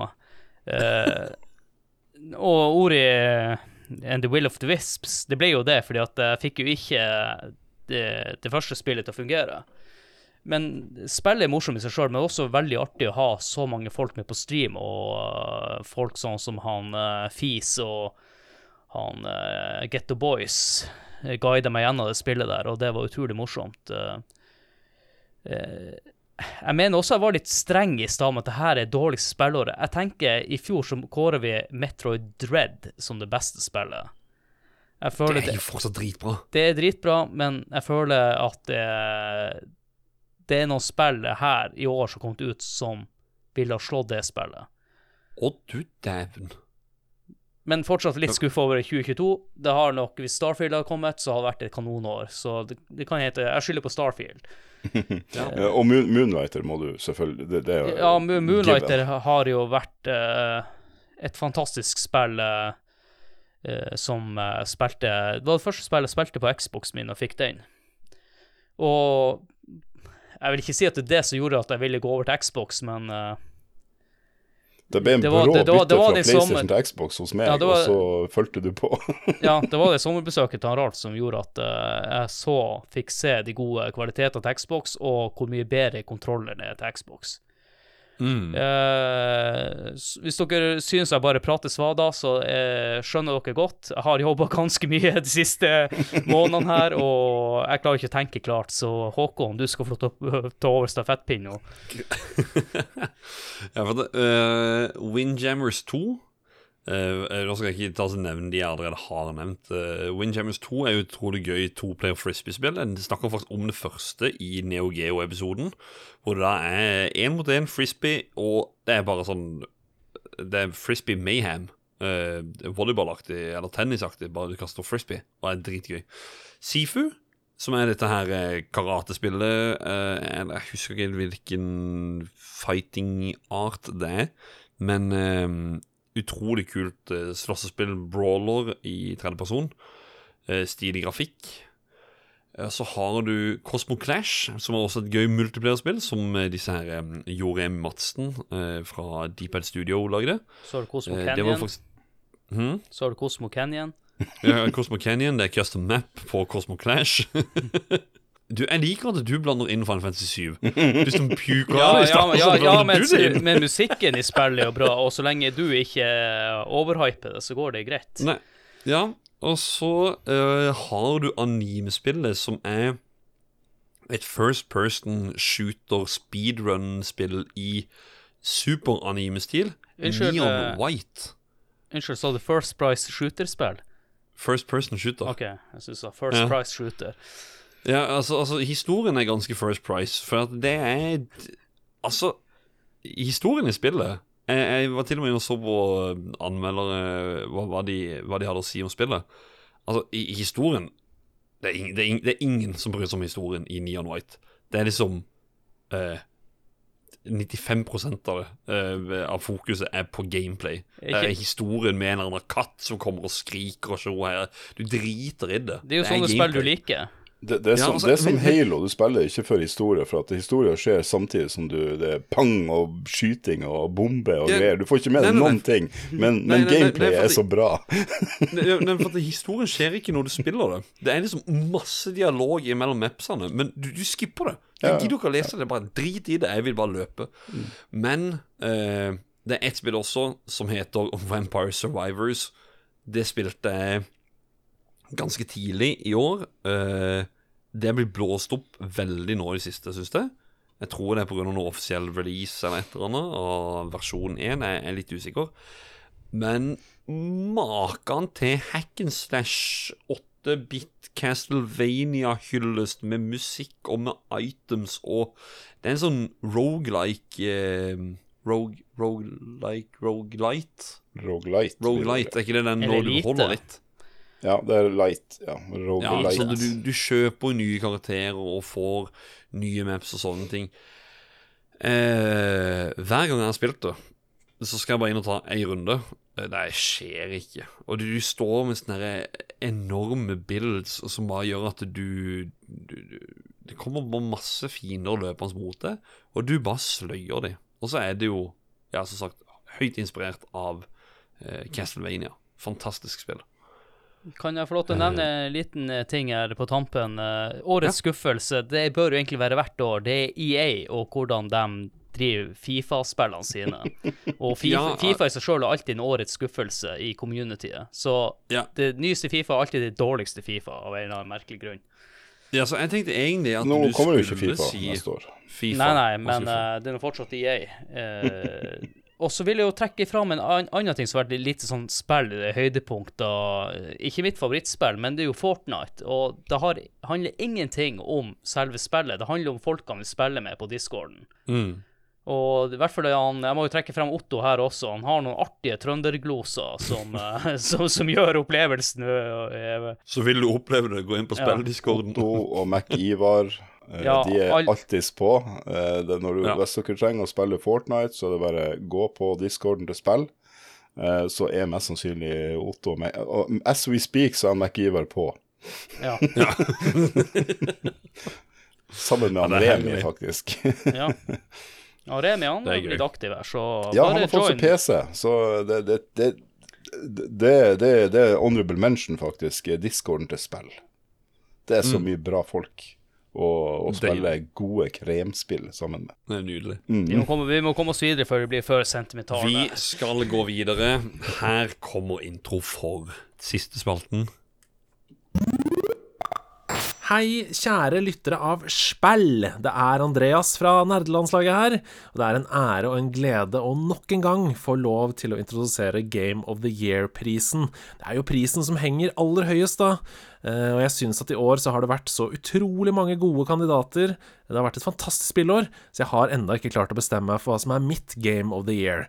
Men en av de knallsterke kandidatene som kommer til å være med å kjempe helt inn til the bitter end, det er Vampire Survivors. For et fantastisk eh, spill, som nå også har kommet til IOS og Android, men som i utgangspunktet spilles best på PC. Pur gameplay! Pur gameplay. Altså, Vampire Survivors har mange ganger i løpet av dette året minnet meg på hvorfor jeg elsker dataspill. Eh, det er bare aldri kjedelig, og alltid noe jeg har lyst til å plukke opp hvis jeg kjeder meg. Så Vampire Survivors er en av mine soleklare kandidater til Game of the Year-prisen. Kjør debatt! Han sier 'kjør debatt'. Jeg vil si, Hedemann, eh, vi heter spill, ikke spill. Så det er første debatt. Du husker, du husker, du husker hvordan retromessa-introen var, med Dan Wood som sier om det What do you spill. Men forskjellen her er at eh, de her var engelskmenn. Hedemann, du prater bokmål. Det her må du kunne bedre. Eh, men det var jo et interessant valg her, Håkon. Honorable Ja, mention, mention eh, gikk rett til topps. Absolutt, absolutt. Det er vittig at uh, Vampire Survivors er jo faktisk også Jeg har det dokumentet. Uh, Vampire Survivors er ett av de første spillene jeg la inn på den lista for spill jeg har spilt i år. Så det, det har ligget der hele året og ja. Uh, skal ha blitt omtalt, og ja. Jeg er enig i det. han sier. Det er, altså, det, er bare å få det spilt. Det spillet er så jæklig gøy. Stor shout-out til tidligere nevnt Gard, som du nevnte i forbindelse med eh, Super Mario Sunshine. Han sager ikke Vampire Survivors i to, han sager fiendene i to, og han har jo også bare hylla det spillet. Ja, han, Det er- jeg er eh, nå, nå, er jeg inne og nå, Jeg måtte inn bare på telefonen min og se hva er det her for noe. Og så, se, og nå, og så akkurat jeg, se- i det jeg ser hva dette er for noe, og så nevner du Gard, jeg bare Ja, selvfølgelig. Det er et bullet hell-spill. Absolutt ikke noe for meg, eh, men han Gard elsker jo bullet hell-spill. Men nå, boys Skal vi ta det på, på, på tre? Skal vi bare gjøre det? Ja. Ja. Tell det til tre, og så sier vi hva årets spill er, fordi at uh, Men vet du hva, vet du hva, vet du hva? Vet du hva? Det er som Ralf Ralf er full av faen. Så det, det Nei, nei, det går, det går Nei, ikke an. Jeg vet om Nei, ingen som har brukt så mye tid på spill i år som han, så Nei. Årets okay. spill, det er tre, to, én. Elden Ring.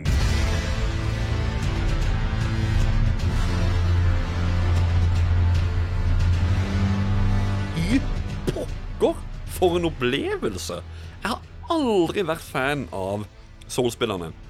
Men det å kunne gå rundt i den åpne verden og oppdage ting sånn som du gjør i det spillet der, bare for å dra eh, Bare for å dra én ting med at jeg plutselig sto på sånn plate, og da var jo allerede verden var jo gigantisk eh, Større enn noe annet jeg hadde spilt, og så bare plutselig Hæ? Å ja. Du var i en sånn opp-ned-verden, eller sånn du gikk ned en lang, lang lang heis, og så plutselig var du i en verden minst like stor under Jeg, jeg skjønte ingenting. Det er Ja. Og den stemningsmusikken som kommer når du er liksom på vei ned i den heisen. Ja. For å og jeg si- skjønte ingenting om hva det kom til. Så, ja. Ja. For å si det sånn, det her er Det her forteller alt det jeg savner ifra Zelda Breath of the Wild, rett og slett. Ja. Det, det er perfeksjon eh, til det ypperste. Det er et spill som eh, Hvis jeg skal være negativ, starten er brutal hvis du følger den ruta spillet det drar deg gjennom. deg i.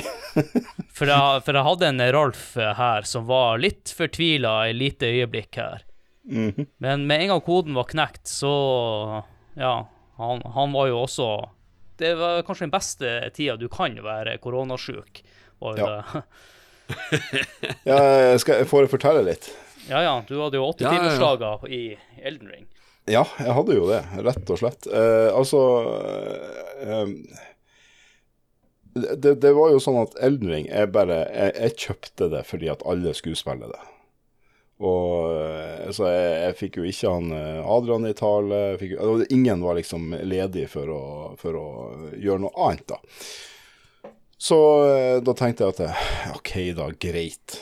Jævla Soulsborne-spillene der. Jeg får nå kjøpe det der, og så får jeg nå spille det, da. Og, og prøve det, i hvert fall. Så, så er nå det gjort. Så kan jeg i hvert fall ikke komme og si at ja, du skulle ha prøvd det, amazing. Og ja.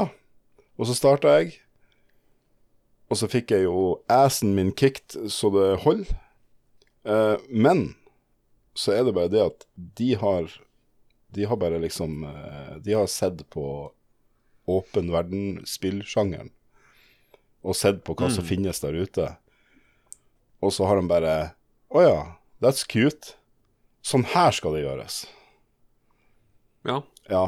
Og, Absolutt, og det, ja. det er bare et eller annet med å Når du fikk eh, et sånt spill som jeg opprinnelig ikke er glad i, i den settinga som de har satt det i, eh, med det Altså den, den beste spillkontrolleren. Det er sykt smooth gameplay. Mm. Dør du, så er det kun igjen jeg har feil. Eh, og, og, og enten for at du skulle ikke være der, eller, eller, eller at, eh, at du fucka opp, rett og slett. Du er Eh, eh, a little curious, ja. sånn som jeg var cirka hele tida. ja, ja, ja. og så altså, det, det er bare kombinasjonen av alt som bare kommer i hop der, og gjør dette til bare Ja, og, så må du det, ikke det, det, det, det, det må være tiårets beste spill for meg. Eh, altså de siste ti årene, ikke 20-tallet, men liksom de siste ti årene. Siden. Skyrim. Siden Skyrim, ja. For det kom i 2011. Eh, Så um, det, det er definitivt det beste spillet siden Skyrim, for min del. Og, og um, ja, det var, ja, jeg fikk en knekk uh, for at jeg for for tidlig opp til eh, Som alle sammen, og møtte hun Margit. Eh, jeg kaller henne Margit, for jeg hadde ei tante Margit en gang i tida. Eh, og Åssen var hun, tante Margit? ja, hun, hun var ikke like grusom som eh, den Margiten i dette spillet, men uh, Nå må du legge deg! Hun hadde, hun, hun, hun, hun, hun, du kom til Ho Margit så, så, så vanka det lefse og appelsin og banan og kanskje et glass saft. Og her var hun en Mens her Både grisebank. Du, du var litt fortvila, fikk det gjennom, Ja. så Men, fikk du men meg gjennom litt etter, senere. etter at jeg har spilt gjennom det her spillet, og Platinum. til og med også fått eh, platinum Det er lett å få platinum trophy i det spillet, la oss være ærlige om det, da. Det er relativt lett å gjøre alle achievementene i dette spillet. Uh, så, men, men eh, det som skjedde etterpå, og det var jo, jeg nevnte jo i stad hvilke spill jeg har spilt i år. Det som skjedde etter dette, var at jeg spilte gjennom Bloodborne. Og det var, det var ok. Uh, men det, det, det hadde hatt godt av en uh, sånn PlayStation Pro-patch.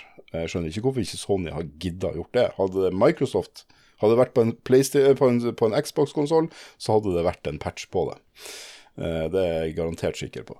Eh, men eh, også etter det så spiller jeg gjennom Demon Souls-remaken. og digga det. Det var, det var kjempebra. Det, var, det er det beste sånn Souls-spillet jeg har spilt ut av de jeg har spilt ut av de gamle, da.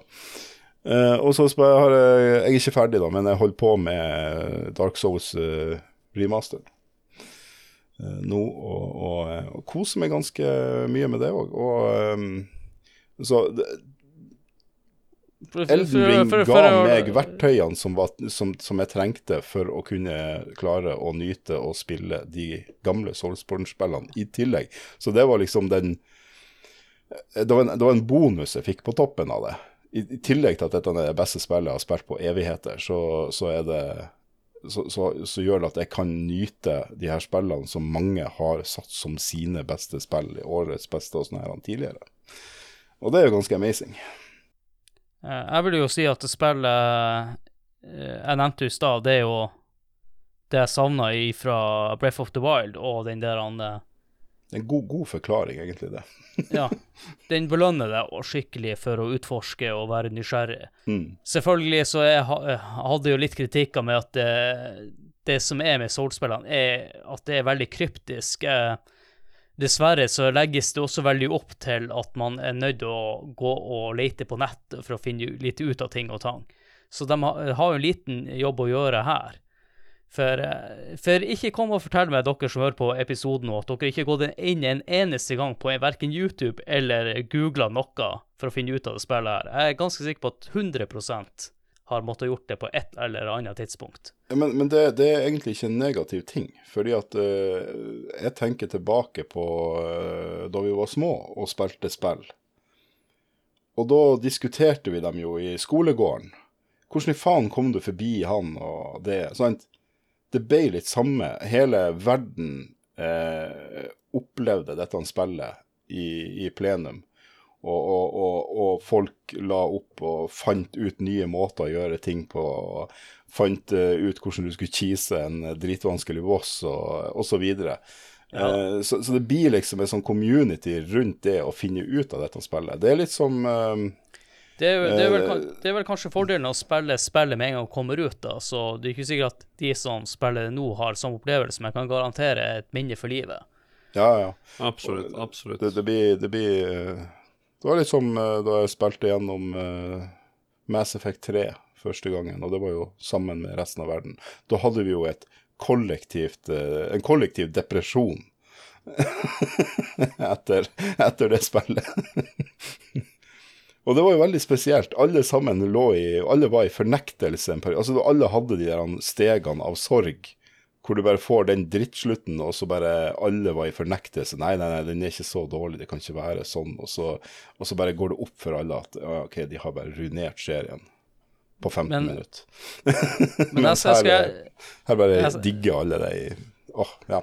Jeg skal hjelpe oss på segwayen videre. Nå er, for, som dere hører, så vil det bli en Eldring-episode i framtida, så jeg tenker vi skal eh, stoppe der. Og Håkon, eh, du kan jo ta oss videre herifra. Jeg skal faktisk si én ting om Elden Ring. En opplevelse som jeg hadde, hvor jeg satt i den stolen jeg sitter i nå. Sitter og spiller på skjermen ved siden av her. Og brøler ut i kampen mot Radan. Når du rir på hesten, og han står der oppe som en Noe som egentlig på mange måter for meg kunne bare sånn, jeg, jeg vet ikke, jeg rei på hest, så jeg bare Jeg fikk en sånn Gan-feeling. Og jeg bare Hva er det som skjer? Og brøler ut Dette er fuckings grunnen for at ikke vi får Breath of the Wild 2 i år. På grunn av Nintendo er pissredd for å bli slakta og, uh, alle, og det hakka opp i biter av Elden Ring når det kommer til eventyr, til battle, til you fucking name it. Ja, det, det er, det, det er jeg, jeg tror Elden Ring er også mye av grunnen for at ikke vi faktisk har fått Breath of the Wild 2 i år. Men jeg tror også Nintendo gjør oss en tjeneste, for hvis, ja, hvis de Ja, hadde kommet ut en halvtime så bare vært kritisk til det spillet, så Mm. Jeg tror vi har bare godt av at de ikke kom så tidlig. Det hadde vært ødeleggende, rett og slett. Absolutt. Du kan ta hvor, hvilken som helst tid av Elden Ring, og det er bare Det, det, det, det er så mye gull hele tida. Mm. Selv om du det- dør og irriterer deg vann over det, Ja. så er det faktisk så mye mer du kan gjøre i det spillet. Og så er det så Eh, mye det- mys- mystikk og alt det her tingene her som du Du kan digge det ned i ting og finne ut av mye. Og så Mm. har du selvfølgelig nett, eh, for hvis du står helt fast. Og det merkelige, merkelige, merkelige er jo at du klarer bossene til slutt uansett, for det om du så Uansett Ja, hvor du kan håpløst det er, så klarer du det. deg til slutt. Vi, vi fant jo ut det, jeg og Nadran, at vi, vi spiller jo basically hard mode. For at eh, i hvert fall da spillet var nytt, så var det jo Hadde vi vært magikere, så hadde vi jo burna gjennom det ganske greit, visstnok. Eh, Mm. Men eh, mens, eh, mens eh, Miley-klasse, det, det var visst det, det Det var da den vanskeligste du hadde. Når du er up close and personal. Men de har jo balansert og styrt en del etter det, da.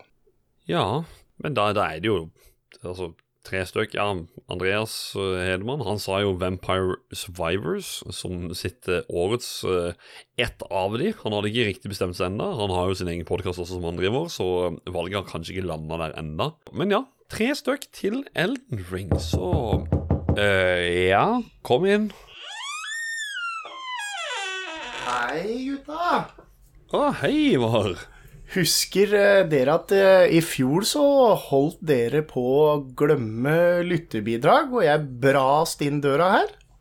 Ja, ja den, den, den døra den ble fiksa nå nettopp, så det, var hyggelig at du gjorde på den måten der. Rolig og greit. Ja, jeg tenkte det er greit å ikke ta en dør til, men eh, jeg tenkte Ja. det var greit at jeg er her nå for at dere ikke skal gå på samme smellen en gang til. Å ja, nei, men det vi skal Vi skal Jeg, tenk, jeg tenkte vi skulle gå over til den spalten nå, eh, egentlig, så ja. Mm. Ja, men det er jo helt supert. Da trekker jeg meg Ja. bare rolig tilbake bort til hjørnet her igjen, jeg. Ja, ok, ja. Har, har du skrevet bidrag, du, forresten? Ja da. Det er nok et Ja, lite ok, ja. inne der til dere. Ja, men det, det, det er bra. Men da, da skal vi ta oss og se hva lytterne har å si, og hva som er deres Game of the Year. For vi var inne på eh, Facebook-gruppa til dere på Discord. Beklager, vi var kun inne på eh, Facebook Community og sjekka eh, Lodda ut litt stemning der, hvor han lagde et fint bilde av eh, eh, Ja, meg som eh, Kratos, eh, Ralf, hva er det hun heter i A Plague Tale? Uh, Amicia. Amicia. Og Adrian ble en pussekatt ifra spillet Stray. Som aldri har spilt. Nei. jo, det har jo jeg også spilt, og det glemte jeg å nevne i stad. Veldig fint spill. Men øverste der, førstemann ut, det er Olav Øyan. Olaf. Olav? Olaf. Ok. Her kommer et skudd fra sidelinjen fra karen som spiller maks fem spill i året. Sherlock Holmes chapter 1. De små grå må brukes, i motsetning til refleks, eh, reflekser og auto-aiming, som selv et barn kan klare. Jeg dediserer, og langt ifra dedikerer, dette spillet til år 2022. Et lite stikk til at vi sier 'dedikerer' litt ofte i podkasten. Men ja, Sherlock Holmes chapter 1. Aldri hørt om, aldri sett, aldri spilt. Neste. Er det et IOS-spill, eller er det I don't know. Har ikke peiling, jeg. Ikke jeg heller, så uh, Ja. Bytt et bombshell, Ralf. Nei, Ja, det, vi, vi hopper videre. Ja, ja eh, nå er det han Magnus Eide. Eller eh, ikke Eller, ja. Eide. Dere sier jo alt på Alt er jo æ Sørlandet. Eide. Han skriver jo vel i år, eh, som han skrev i fjor eh, Jeg tror han skrev i fjor òg, men eh, det er jo PUBG. Årets spill. Og nå har vi jo fått, eh, har vi fått Vikendi Reborn.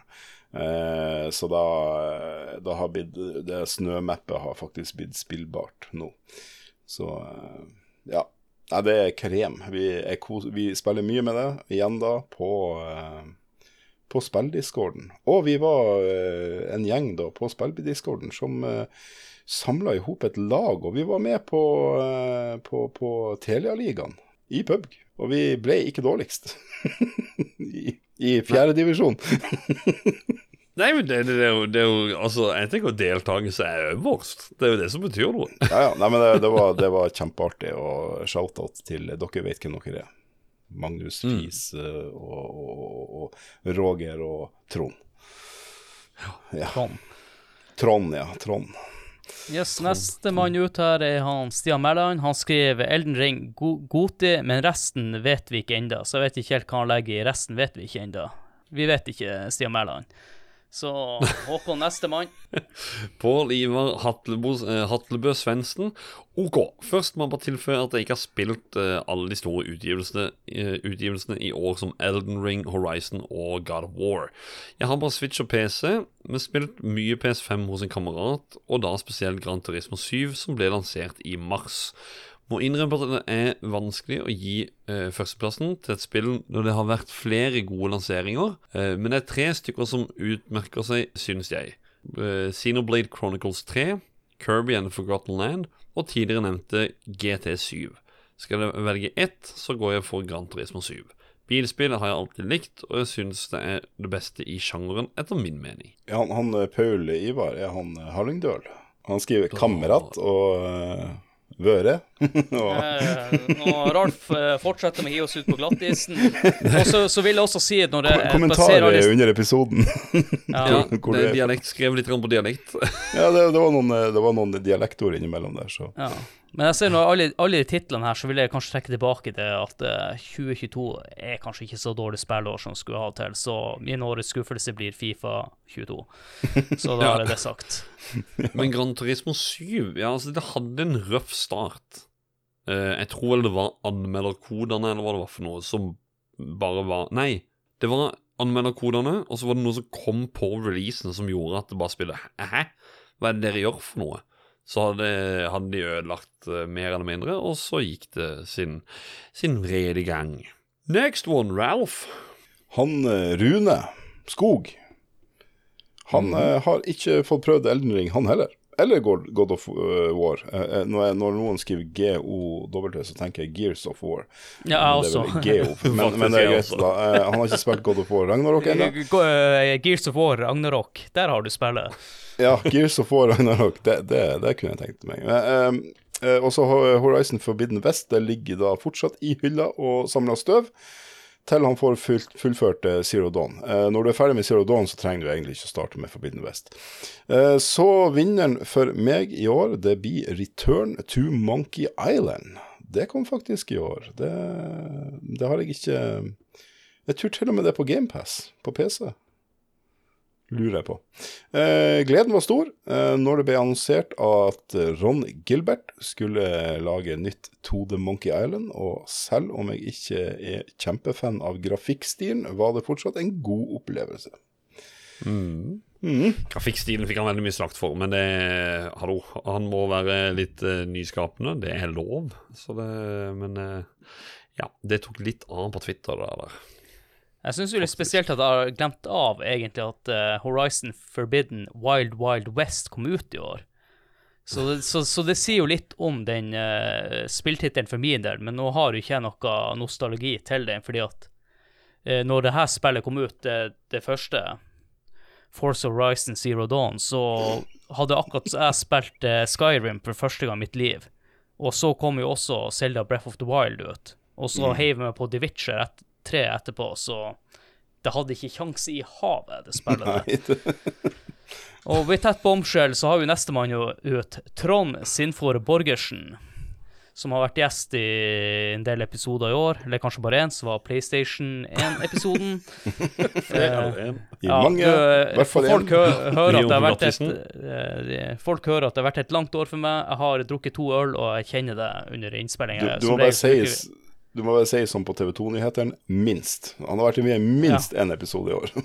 Ja, minst, ja. Spillet han blir ferdig med, var Stray.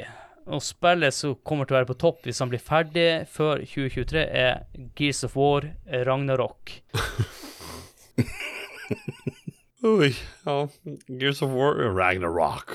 Ja, OK. Uh, vi går videre til Martin Pettersen. Han skriver to enkle ord. Det er Elden Ring. Og så Ralf. Hva skriver neste? Det må være Forza Horizon 5 eller Elden Ring, sier han Kjetil Vonheim, eller Fonheim. Og der ble det en diskusjon rett under at Forza Horizon 5 kom ikke ut i år. Altså, Ja, så- oi, ops, da ble det Elden Ring. ja, altså, det, det der jeg henta det fra, for at jeg så noen Ja. kommentarer på Forza uh, Horizon Zero Dawn Mm. 5. Så nestemann ut er han Martin Gjesdal fra LAN-episoden vår i år. Uh, han skriver selvfølgelig uh, old school eh, retrogamer, Return to Monkey Island. Og vel det eneste spillet i tillegg til Half-Life 2 han har spilt i år som er laga etter år 2000. Men skambra uansett, så han er en ordentlig retromann. Mm. Fred Inge, Mr. Awesome Stenersen, eller eh, bedre kjent som Fis, eh, tidligere nevnt i episoden her. Jeg vil nok si Horizon Forbidden Wild Wild West for min del. Men det er nok for at jeg ikke har spilt noen andre spill i år som jeg kan huske. Jeg legger han inn i parentes. Har ikke han spilt Elden Ring? Hm. Nei. Nei, nei, nei, da eh, Ja, da ble det Wild Wild West. yes. uh, Horse uh, for- Eh, Horsen, ja. Horsen. Horsen Forbidden, ja, ja. Neste, Ralf. Det er han Tom Jørgen Uh, Ja. Uh, årets spill er jo uten tvil Sonic Frontiers.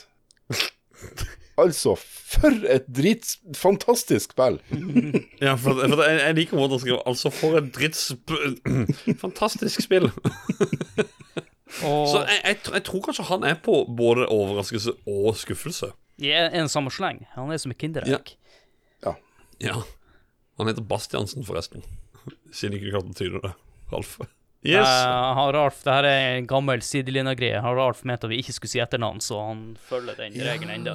Ja, ja, men det blir jo sånn si alle navnene. Det tar jo fem dager. Noen heter jo Jo, jo. 14, har jo 14 navn. Det Herregud. Ja, ja. Bare peise på. Så, sånn er det. Eh, Få neste dere mann ut færre navn.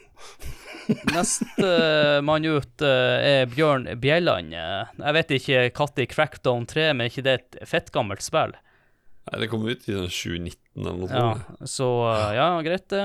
Det er lov til å ta med gamle spill, og det er fordi du kan Du spiller en politi eller noe sånt og tar de slemme. Og så må Ja. Bjørn svare i, i kommentar på episoden om eh, han er fra Trøndelag, og i så fall om han er i slekt med de som lager Bjellands fiskeboller. Nei, det er han Nei, ikke. han er ikke det. Han er Ja, dere har spurt han. eh, vest. Ja, vi har Ja, møtt han i jeg real life, så Ja. Å ja, ok. Ja, ja. Jo, Jon Einef Lundesgård Pool, Stormen Fortnite eller Satisfactory for min del. Ingen av spillene er nye, men det har kommet updates og nytt content i år, og jeg har mange artige timer i begge to. Fortnite er jo en skikkelig slager i spillcommunityet på Discord. Et annet spill som har slukt mange, mange timer i år, er WoW Classic. Eh, da med Wrath of the Lich King Expansion, som kom ut i slutten av september. Jeg leste bare oh. Volt her, så jeg lurte på om du bestilte den fra Volt. Ja, jeg, jeg, jeg holdt på å si vo, altså, altså, Nei, Wrath of, ja, Wrath of Lich King, ja. Votelk. Han, han forkorta det. W-O-T-L-K. Votelk. For det vet jo alle hva står for. Ja, det er jo en russisk eh, rett. Everyone, you want a votelk Ja. on the table. Votelk and vodka. Vær så god, neste. Ok, han Kristoffer Getto Boys Hansen. Nå vet jeg ikke om dere har gjort ferdig innspillinga eller ikke. Men kan det være noe annet enn Elden Ring? Nei, det kan ikke det. Det er ikke kjangs i havet. Jeg har skjønt at eh, God of War Ragnarok har eh, stakk faktisk av med mest priser da på Game Award-showet. Men Gears of eh, War? Gears of War Ragnarok, ja. Ja, men det var sånne her, han, eh, whatever-kategorier uh, de vant i. Og så Game of the Kjøpt fucking year. betalt. Selvfølgelig Elden Ring. Kjøpt og betalt. Ja, men altså, de, de er veldig gode og strate... De, Sony er jævla god å plassere de der han, blockbuster-spillene sine uh, nært nok eh, sånne award-greier. Ja. Fordi at spill som gis ut i desember, nobody cares. De kan Men- ikke vinne en premie på du- Game Awards, og de, og de året etter så er de ikke med i potten engang, for de kom året før. Uh, så de er veldig gode på det der å gi det ut der uh, i det riktige tidsrommet, de spillene. Du har et poeng Mm. der, for at eh, når vi lager her episodene, så er det jævla vanskelig å huske de spillene som kom ut i januar, februar og mars, egentlig. Ja, sånn, er, sånn er det med stemminga òg. Sånn er det med den stemminga òg. hadde Horizon Forbidden West kommet Nei. eh, nærmere, så hadde det kanskje vært med i flere. Du sa feil. For Horizon Forbidden Wild Wild West. Ja, ok. Riktig, ja, det er riktig. Uh, vi er ikke ferdig med lyttespalten her. Nå snakker jo sport, og Ralf tar oss med ut på glattisen, og vi tar en uh, liten dans der, og så drar vi rett inn i skifteboksen igjen, eller hva det er for noe. Jo, men han, eh, Håkon ingenting. har jo en i rommet med seg som passer på at vi skal holde oss her. Ja, bare sitt der du, Ivar. Bare ikke, ikke reis deg. Sånn. Ja. Ja. Yes. Sitt, sitt, sa jeg. Ja. Ja, Ivar har jo også skrevet inn til oss, som han uh, sa. For meg så må et Game of the Year være et spill som er utgitt dette her året. Det hjelper ikke med en expansion eller oppdatering. Ikke at det hadde endra mitt valg eh, denne gangen uansett, men i år har jeg dessverre ikke fått testet et eneste et av de store spillene jeg har lyst til å teste. Men jeg har hatt noen veldig korte, men gode opplevelser med mange gode kandidater. Eh, Teenage Mutant Ninja Turtles, eh, Shredders Revenge, et vanvittig kult spill, men når det, det når ikke helt opp. Så har du Windjammers 2, et spill han kun har investert i en time eller to, men koster seg hvert eneste sekund. Og honorable mention er You Suck at Parking. Fått prøvd det en halvtimes tid, og tror jeg kan like det her veldig godt. Det fine med at han nevner TMT, til Shredders Revenge og Windjammers 2, det er, det er .emu som har lagd begge spillene. Og så, og så leste du feil, Adrian. Han er fra Buskerud, og han skrev eh, at det Ti- Teenage Mutant Ninja Turtles Shredders Revenge et vanvittig Ja. Van, ja, ja, han skal faktisk van, vanvittig. Vanvittig. Ja, hva kan vi si? Tusen hjertelig takk for den eh, enorme respons vi har fått på eh, det dere mener er årets eh, beste spill. Deres eh, favoritter. Men fasit er Elden Ring. Men, ja, fasiten Ja. er nok Elden Ring, til syvende og sist. Uansett hvordan man vrir og vender på det. Det er, det er, det er ja. Hvis du ikke, hvis du ikke er enig om det, så trenger du hjelp. Neida, Men eh, det som jeg sa, jeg, jeg pitcha det til, eh, til eh, broren min og til hans eldste sønn, som elsker Breath of the Wild. Og det var jo litt sånn der at det, det her er jo liksom Hvis han liker Breath of the Wild, det her er jo liksom bare det, bare mye kulere. Er for, eh, Men jeg har full forståelse for at det her, her kan hende at han kommer til å hate òg. Men eh, vi har jo årets beste spill, men vi har også en liste som heter Årets beste spill. Basert på karakterene som vi gir ut til hvert spill vi prater om i alle disse episodene. Vi sa jo introduksjonsvis at uh, vi har hatt mye mer spellbreak, og vi har lovt det skal være mer, mer spellbreak. Derfor lista litt mindre, men det har blitt et uh, overraskende tall. Adrian har sagt til meg at ikke det lista var med, fordi uh, jeg, vil, uh, jeg vil vente i spenning. Jeg vil bli overraska, samme måte som Ralf. Så Vi to- har to skal vi er- tolv spill, Og på bunnen, med 8,1 av 10 GTA San Andreas. Å ja, det kom på sisteplass. Oh, Det kom på siste. Ja, men det, det er jeg enig i. Det, det er det dårligste PlayStation 2 eh, GTA. Basert på de spillene som vi har snakka om ellers, så er jeg ganske sjokkert, egentlig. Uh, for at det neste spillet uh, Det har eh, 0,2 poeng mer, altså 8,3. Ligger på 11. plass. Diablo 1. Okay, Tiendeplass Nei, vet du hva? Delt eh, Delt plass, faktisk, med 8,4 poeng. Der har du Sonic the Hedgehog og Super Mario Land 2. Det sjokkerer meg ikke så veldig, for det er faktisk to spill som er plattformer. Gamle, eh, pikselert Ja. Vent litt, jeg må bare Ja, du dro det det frem, det, ja. det det. Se der. Ja, ja, ja, ja, ja. Med 8,7 så har vi Final Fight. Overraskende Så, eh, høyt. hmm? Overraskende høyt i forhold til de andre spillene som nevnte under. Ja, og at det er over GTA San Andreas. Og det er flere av disse over San Andreas er jo helt sykt. Uh, og så 0,1 over der igjen, så er det Super Mario Bros 2 med 8,8. Half-Life 2 med 9,1.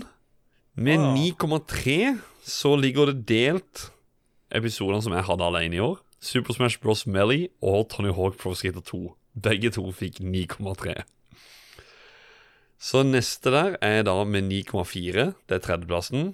Silent Hill 2 med 9,5 på andreplassen. Så har vi Earthbound. Og for de av dere som har hørt episoden om Krono Trigger, så har Adrian, den galne i den eh, ville hale, sammen med Karl Martin og Erling Rostvåg, gjort det samme som de gjorde med A Link to the Past. Ga det 10, 10, 10, 10, 10, 10, 10, 10, 10, 10, 10, 10, 10, 10, 10, 10 på Det spillet der er jo faen ikke ti av ti. Jo da, det er det.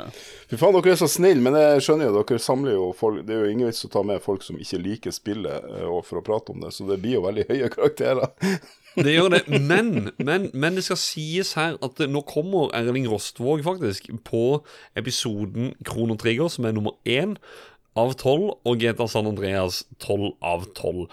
Eh, han kommer fra en spillpodkast hvor hun, altså det, er, det er som de sier, at de er det eneste eh, norske podkasten som snakker om spill og hiphop. Og er det noe GTA San Andreas er, så er det et spill med så mye hiphop og gangster og you name it. Med at Erling har vært med i den episoden og Kronotrigger, og scoren har blitt som det har blitt, jeg er litt fascinert. Jeg, jeg er litt sånn Jeg, jeg, jeg syns det er morsomt. Nei, det, er jo, det er jo viktig å få gjester som liker spillene, hvis ikke så har det jo blitt dårlige Ja, episoder. Hvis, eh. Så det blir jo veldig Ja. høyt, og det blir Ja, jo tett, tett i teten. men det dårligste spillet det. noensinne, som jeg føler er veldig strengt, det må jo være Oblivion, som jeg tror har 60 Eller 6,7 eller noe sånt. Hæ? Ja, det er, det er noen spill som virkelig har fått kjørt seg, altså. Det var, jo, det var eh, en, en av de første spilleepisodene med meg og Jan Ralf, faktisk, som eh, Ja, for at Oblivion, da det kom, eh, var jo ikke eh, var veldig Jeg husker jeg spilte på PC, og det var jo veldig tilpassa en konsoll. Så jeg var jo Jeg hata jo brukergrensesnittet, men det kom jo modder og sånn som fiksa det. Men Mm. nå får du jo spilt Oblivion på Xbox Series X i 4K, 60 frames. Det er amazing. Men det liste er eh, hvis jeg, skulle, hvis jeg skulle gitt karakter ut ifra de spillene her, så hadde nok lista vært sett litt annerledes ut, men uh, jeg står nå fortsatt for det, den 100 av 100. Ja, jeg er skuffet så Eh, Half-Life 2 ti av ti. ikke ble eh, Ja, det er overraskende. Ja, men, men det som også er interessant, er jo det at det sånn som eh, i fjor på, på lista, så ligger jo Silent Hill 1 med 6,8 av 10. Og her kommer Silent Hill 2 bare susende inn, bare banker seg oppover til en tredjeplass med 9,4. Eh, og som jeg også sa litt tidligere i episoden, at jeg mener det er et av de beste horrorspillene som er lagd. Eh, og det er mange som også er enig i dette, men eh, ja. Det er jo bra musikk òg, da. Ja. Og så var det jo det at på scoreboarden også i fjor så var vi ikke høyere enn 9,5. Så Earthbound og Breath of the Wild, for å sammenligne litt, da, de, eh, de har delt 9,5 begge to, faktisk. Så eh, Interessant. Det er, det er interessant, fordi til, til og med Altså, igjen, ja, bare for å dra frem lista fra i fjor. Turtles in Time har 9,2. Half-Life 2 det er 9,1. What the hell, man? ja. det høres så dumt Ja, ut. men vi må også si det at 9,1 på Half-Life 2, det er en jævla bra score. Det er ikke sånn Det er det jo er, det er, ikke, det er ingen her som har søppelscore, rett og slett. Det er jo et terningkast fem som Og så var vel jeg i den episoden, og jeg gir jo ikke ti av ti. Jeg tror Nei, du skal ha 10 av 10 på en eller annen kategori Ja, jeg tror noen, noen, noe ble ti av ti, men eh, Men, men poenget er det er jo ingen som gjør det søppeldårlig. ikke sant? Fem av ti er et middels godt, eh, middels godt spill. Mm. Så når vi sier her at GTA San Andreas gjorde det dårlig, så betyr det ikke at det gjorde det dårlig på score. sånn. Nei, nei, men det er likevel Egentlig. det dårligste PS2 GTA. Ja, det, Den diskusjonen skal vi ikke ta her. Jeg tror vi skal begynne å runde av nå også. Ja, og når vi skal avslutte, så, eh, så har vi en eh, stor gjeng fantastisk flotte mennesker som har vært med oss og gjort at det, disse episodene som vi har skapt, har blitt til de episodene som de har blitt. Altså alle våre gjester i denne podkasten. Så jeg vil gjerne takke Erling Rostvåg. Jeg vil gjerne takke han Jørgen Jacobsen, og Martin Gjesdal, Andreas Bernhardsen, Kim Kløvsgård, Mats Rindal Johansen, Vegard Nyeng, Adrian eh, Ramberg, Karl Martin Hogsnes, Jo Remi Madsen, Simon Safsnes Andersen, Ivar Lobben, Terje Høybakk, Trond Sinfor Borgersen, Simen Dørum, Jan Olav Hegvik, Daniel Hedblom, Ola Uleberg, Joakim Froholt, Jon Cato Lorentzen, Lars Øyvind Helden, Adrian Tanem, Bøben Heineken, Thomas Jørgensen, Arnes Fløgstad, Emsia aka Emilie Helgesen, Dag Thomas Olsen, Svein Arne Wien Haugerud, Ståle Balvinson. Irene Sørensen aka Irsha Gaming, og mannen som sitter her sammen med oss i kveld, Ralf William Nummelin. vi, vi takker dere. Vi takker dere. En referanse til Jeg tar imot denne prisen på vegne av eh, alle de eh, nevnte. Nei, vet du hva Har dere ikke en eh, årets lytter? Nei, det er sidelinja-ting.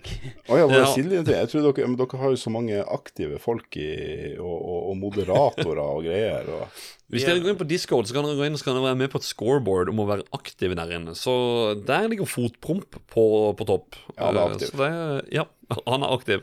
han skal gi god morgen Men- først av alle, hver jævla morgen. ja. Men eh, altså, dere som vi eh, nevnte her nå eh, Uten dere så hadde ikke episodene vært det de har blitt. Og innholdet hadde nok ikke vært det samme. Så med andre ord, podcasten hadde ikke vært det samme uten dere.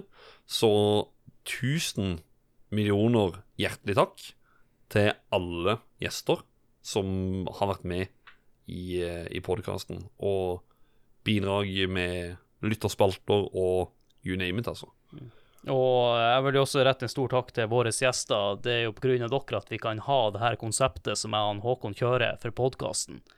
Mm. Og eh, vi har jo snakka om det før, veldig tidlig når vi starta spillet, at eh, vi var litt sånn Hvem i svarte skal vi få med som gjester? Vi hadde jo Vi hadde ikke så mange på lager. Og nå, med årene, så har vi nesten et luksusproblem der at vi nesten må velge mellom folk av og til. For det, det er mange som melder sin interesse for å være med på episoder, og det er bra sjelden at vi får nei, så ja. Mm. Jeg, Ja, nei, det- det- ja, jeg er målløs, rett og slett. Det, det, er, så, er så stort at, at de aller fleste takker ja når vi kommer med forespørsel. Ja. Og, Ja, det er helt spesielt. og til slutt, Håkon, skal du få lov til å ta den siste plugginga for i år? Ja, Du den som- siste så kan jeg plugge podcasten her om at eh, hvis dere har lyst til å sjekke ut uh, våre samarbeidspartnere, som uh, går under såkalt Lollebua Inc., så kan dere sjekke ut Lollebua og Ragequit. Vil dere ha noe sånn sweet eh, spillmerch, eh, eller logoen på noe kul no, Noe kul spillmerch? Sa jeg bomma helt på pluggen her, altså er det siste for i år.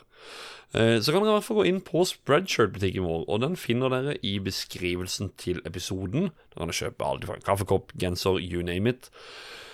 Vi har en Facebook-side, vi har et Facebook-community, og vi har en Discord-gruppe. Link til det finner dere også i episodebeskrivelsen. Og så må vi som alltid rekke en enormt stor takk til Joakim Froholt, som lager artikler om alle episodene våre inne på spillhistorie.no.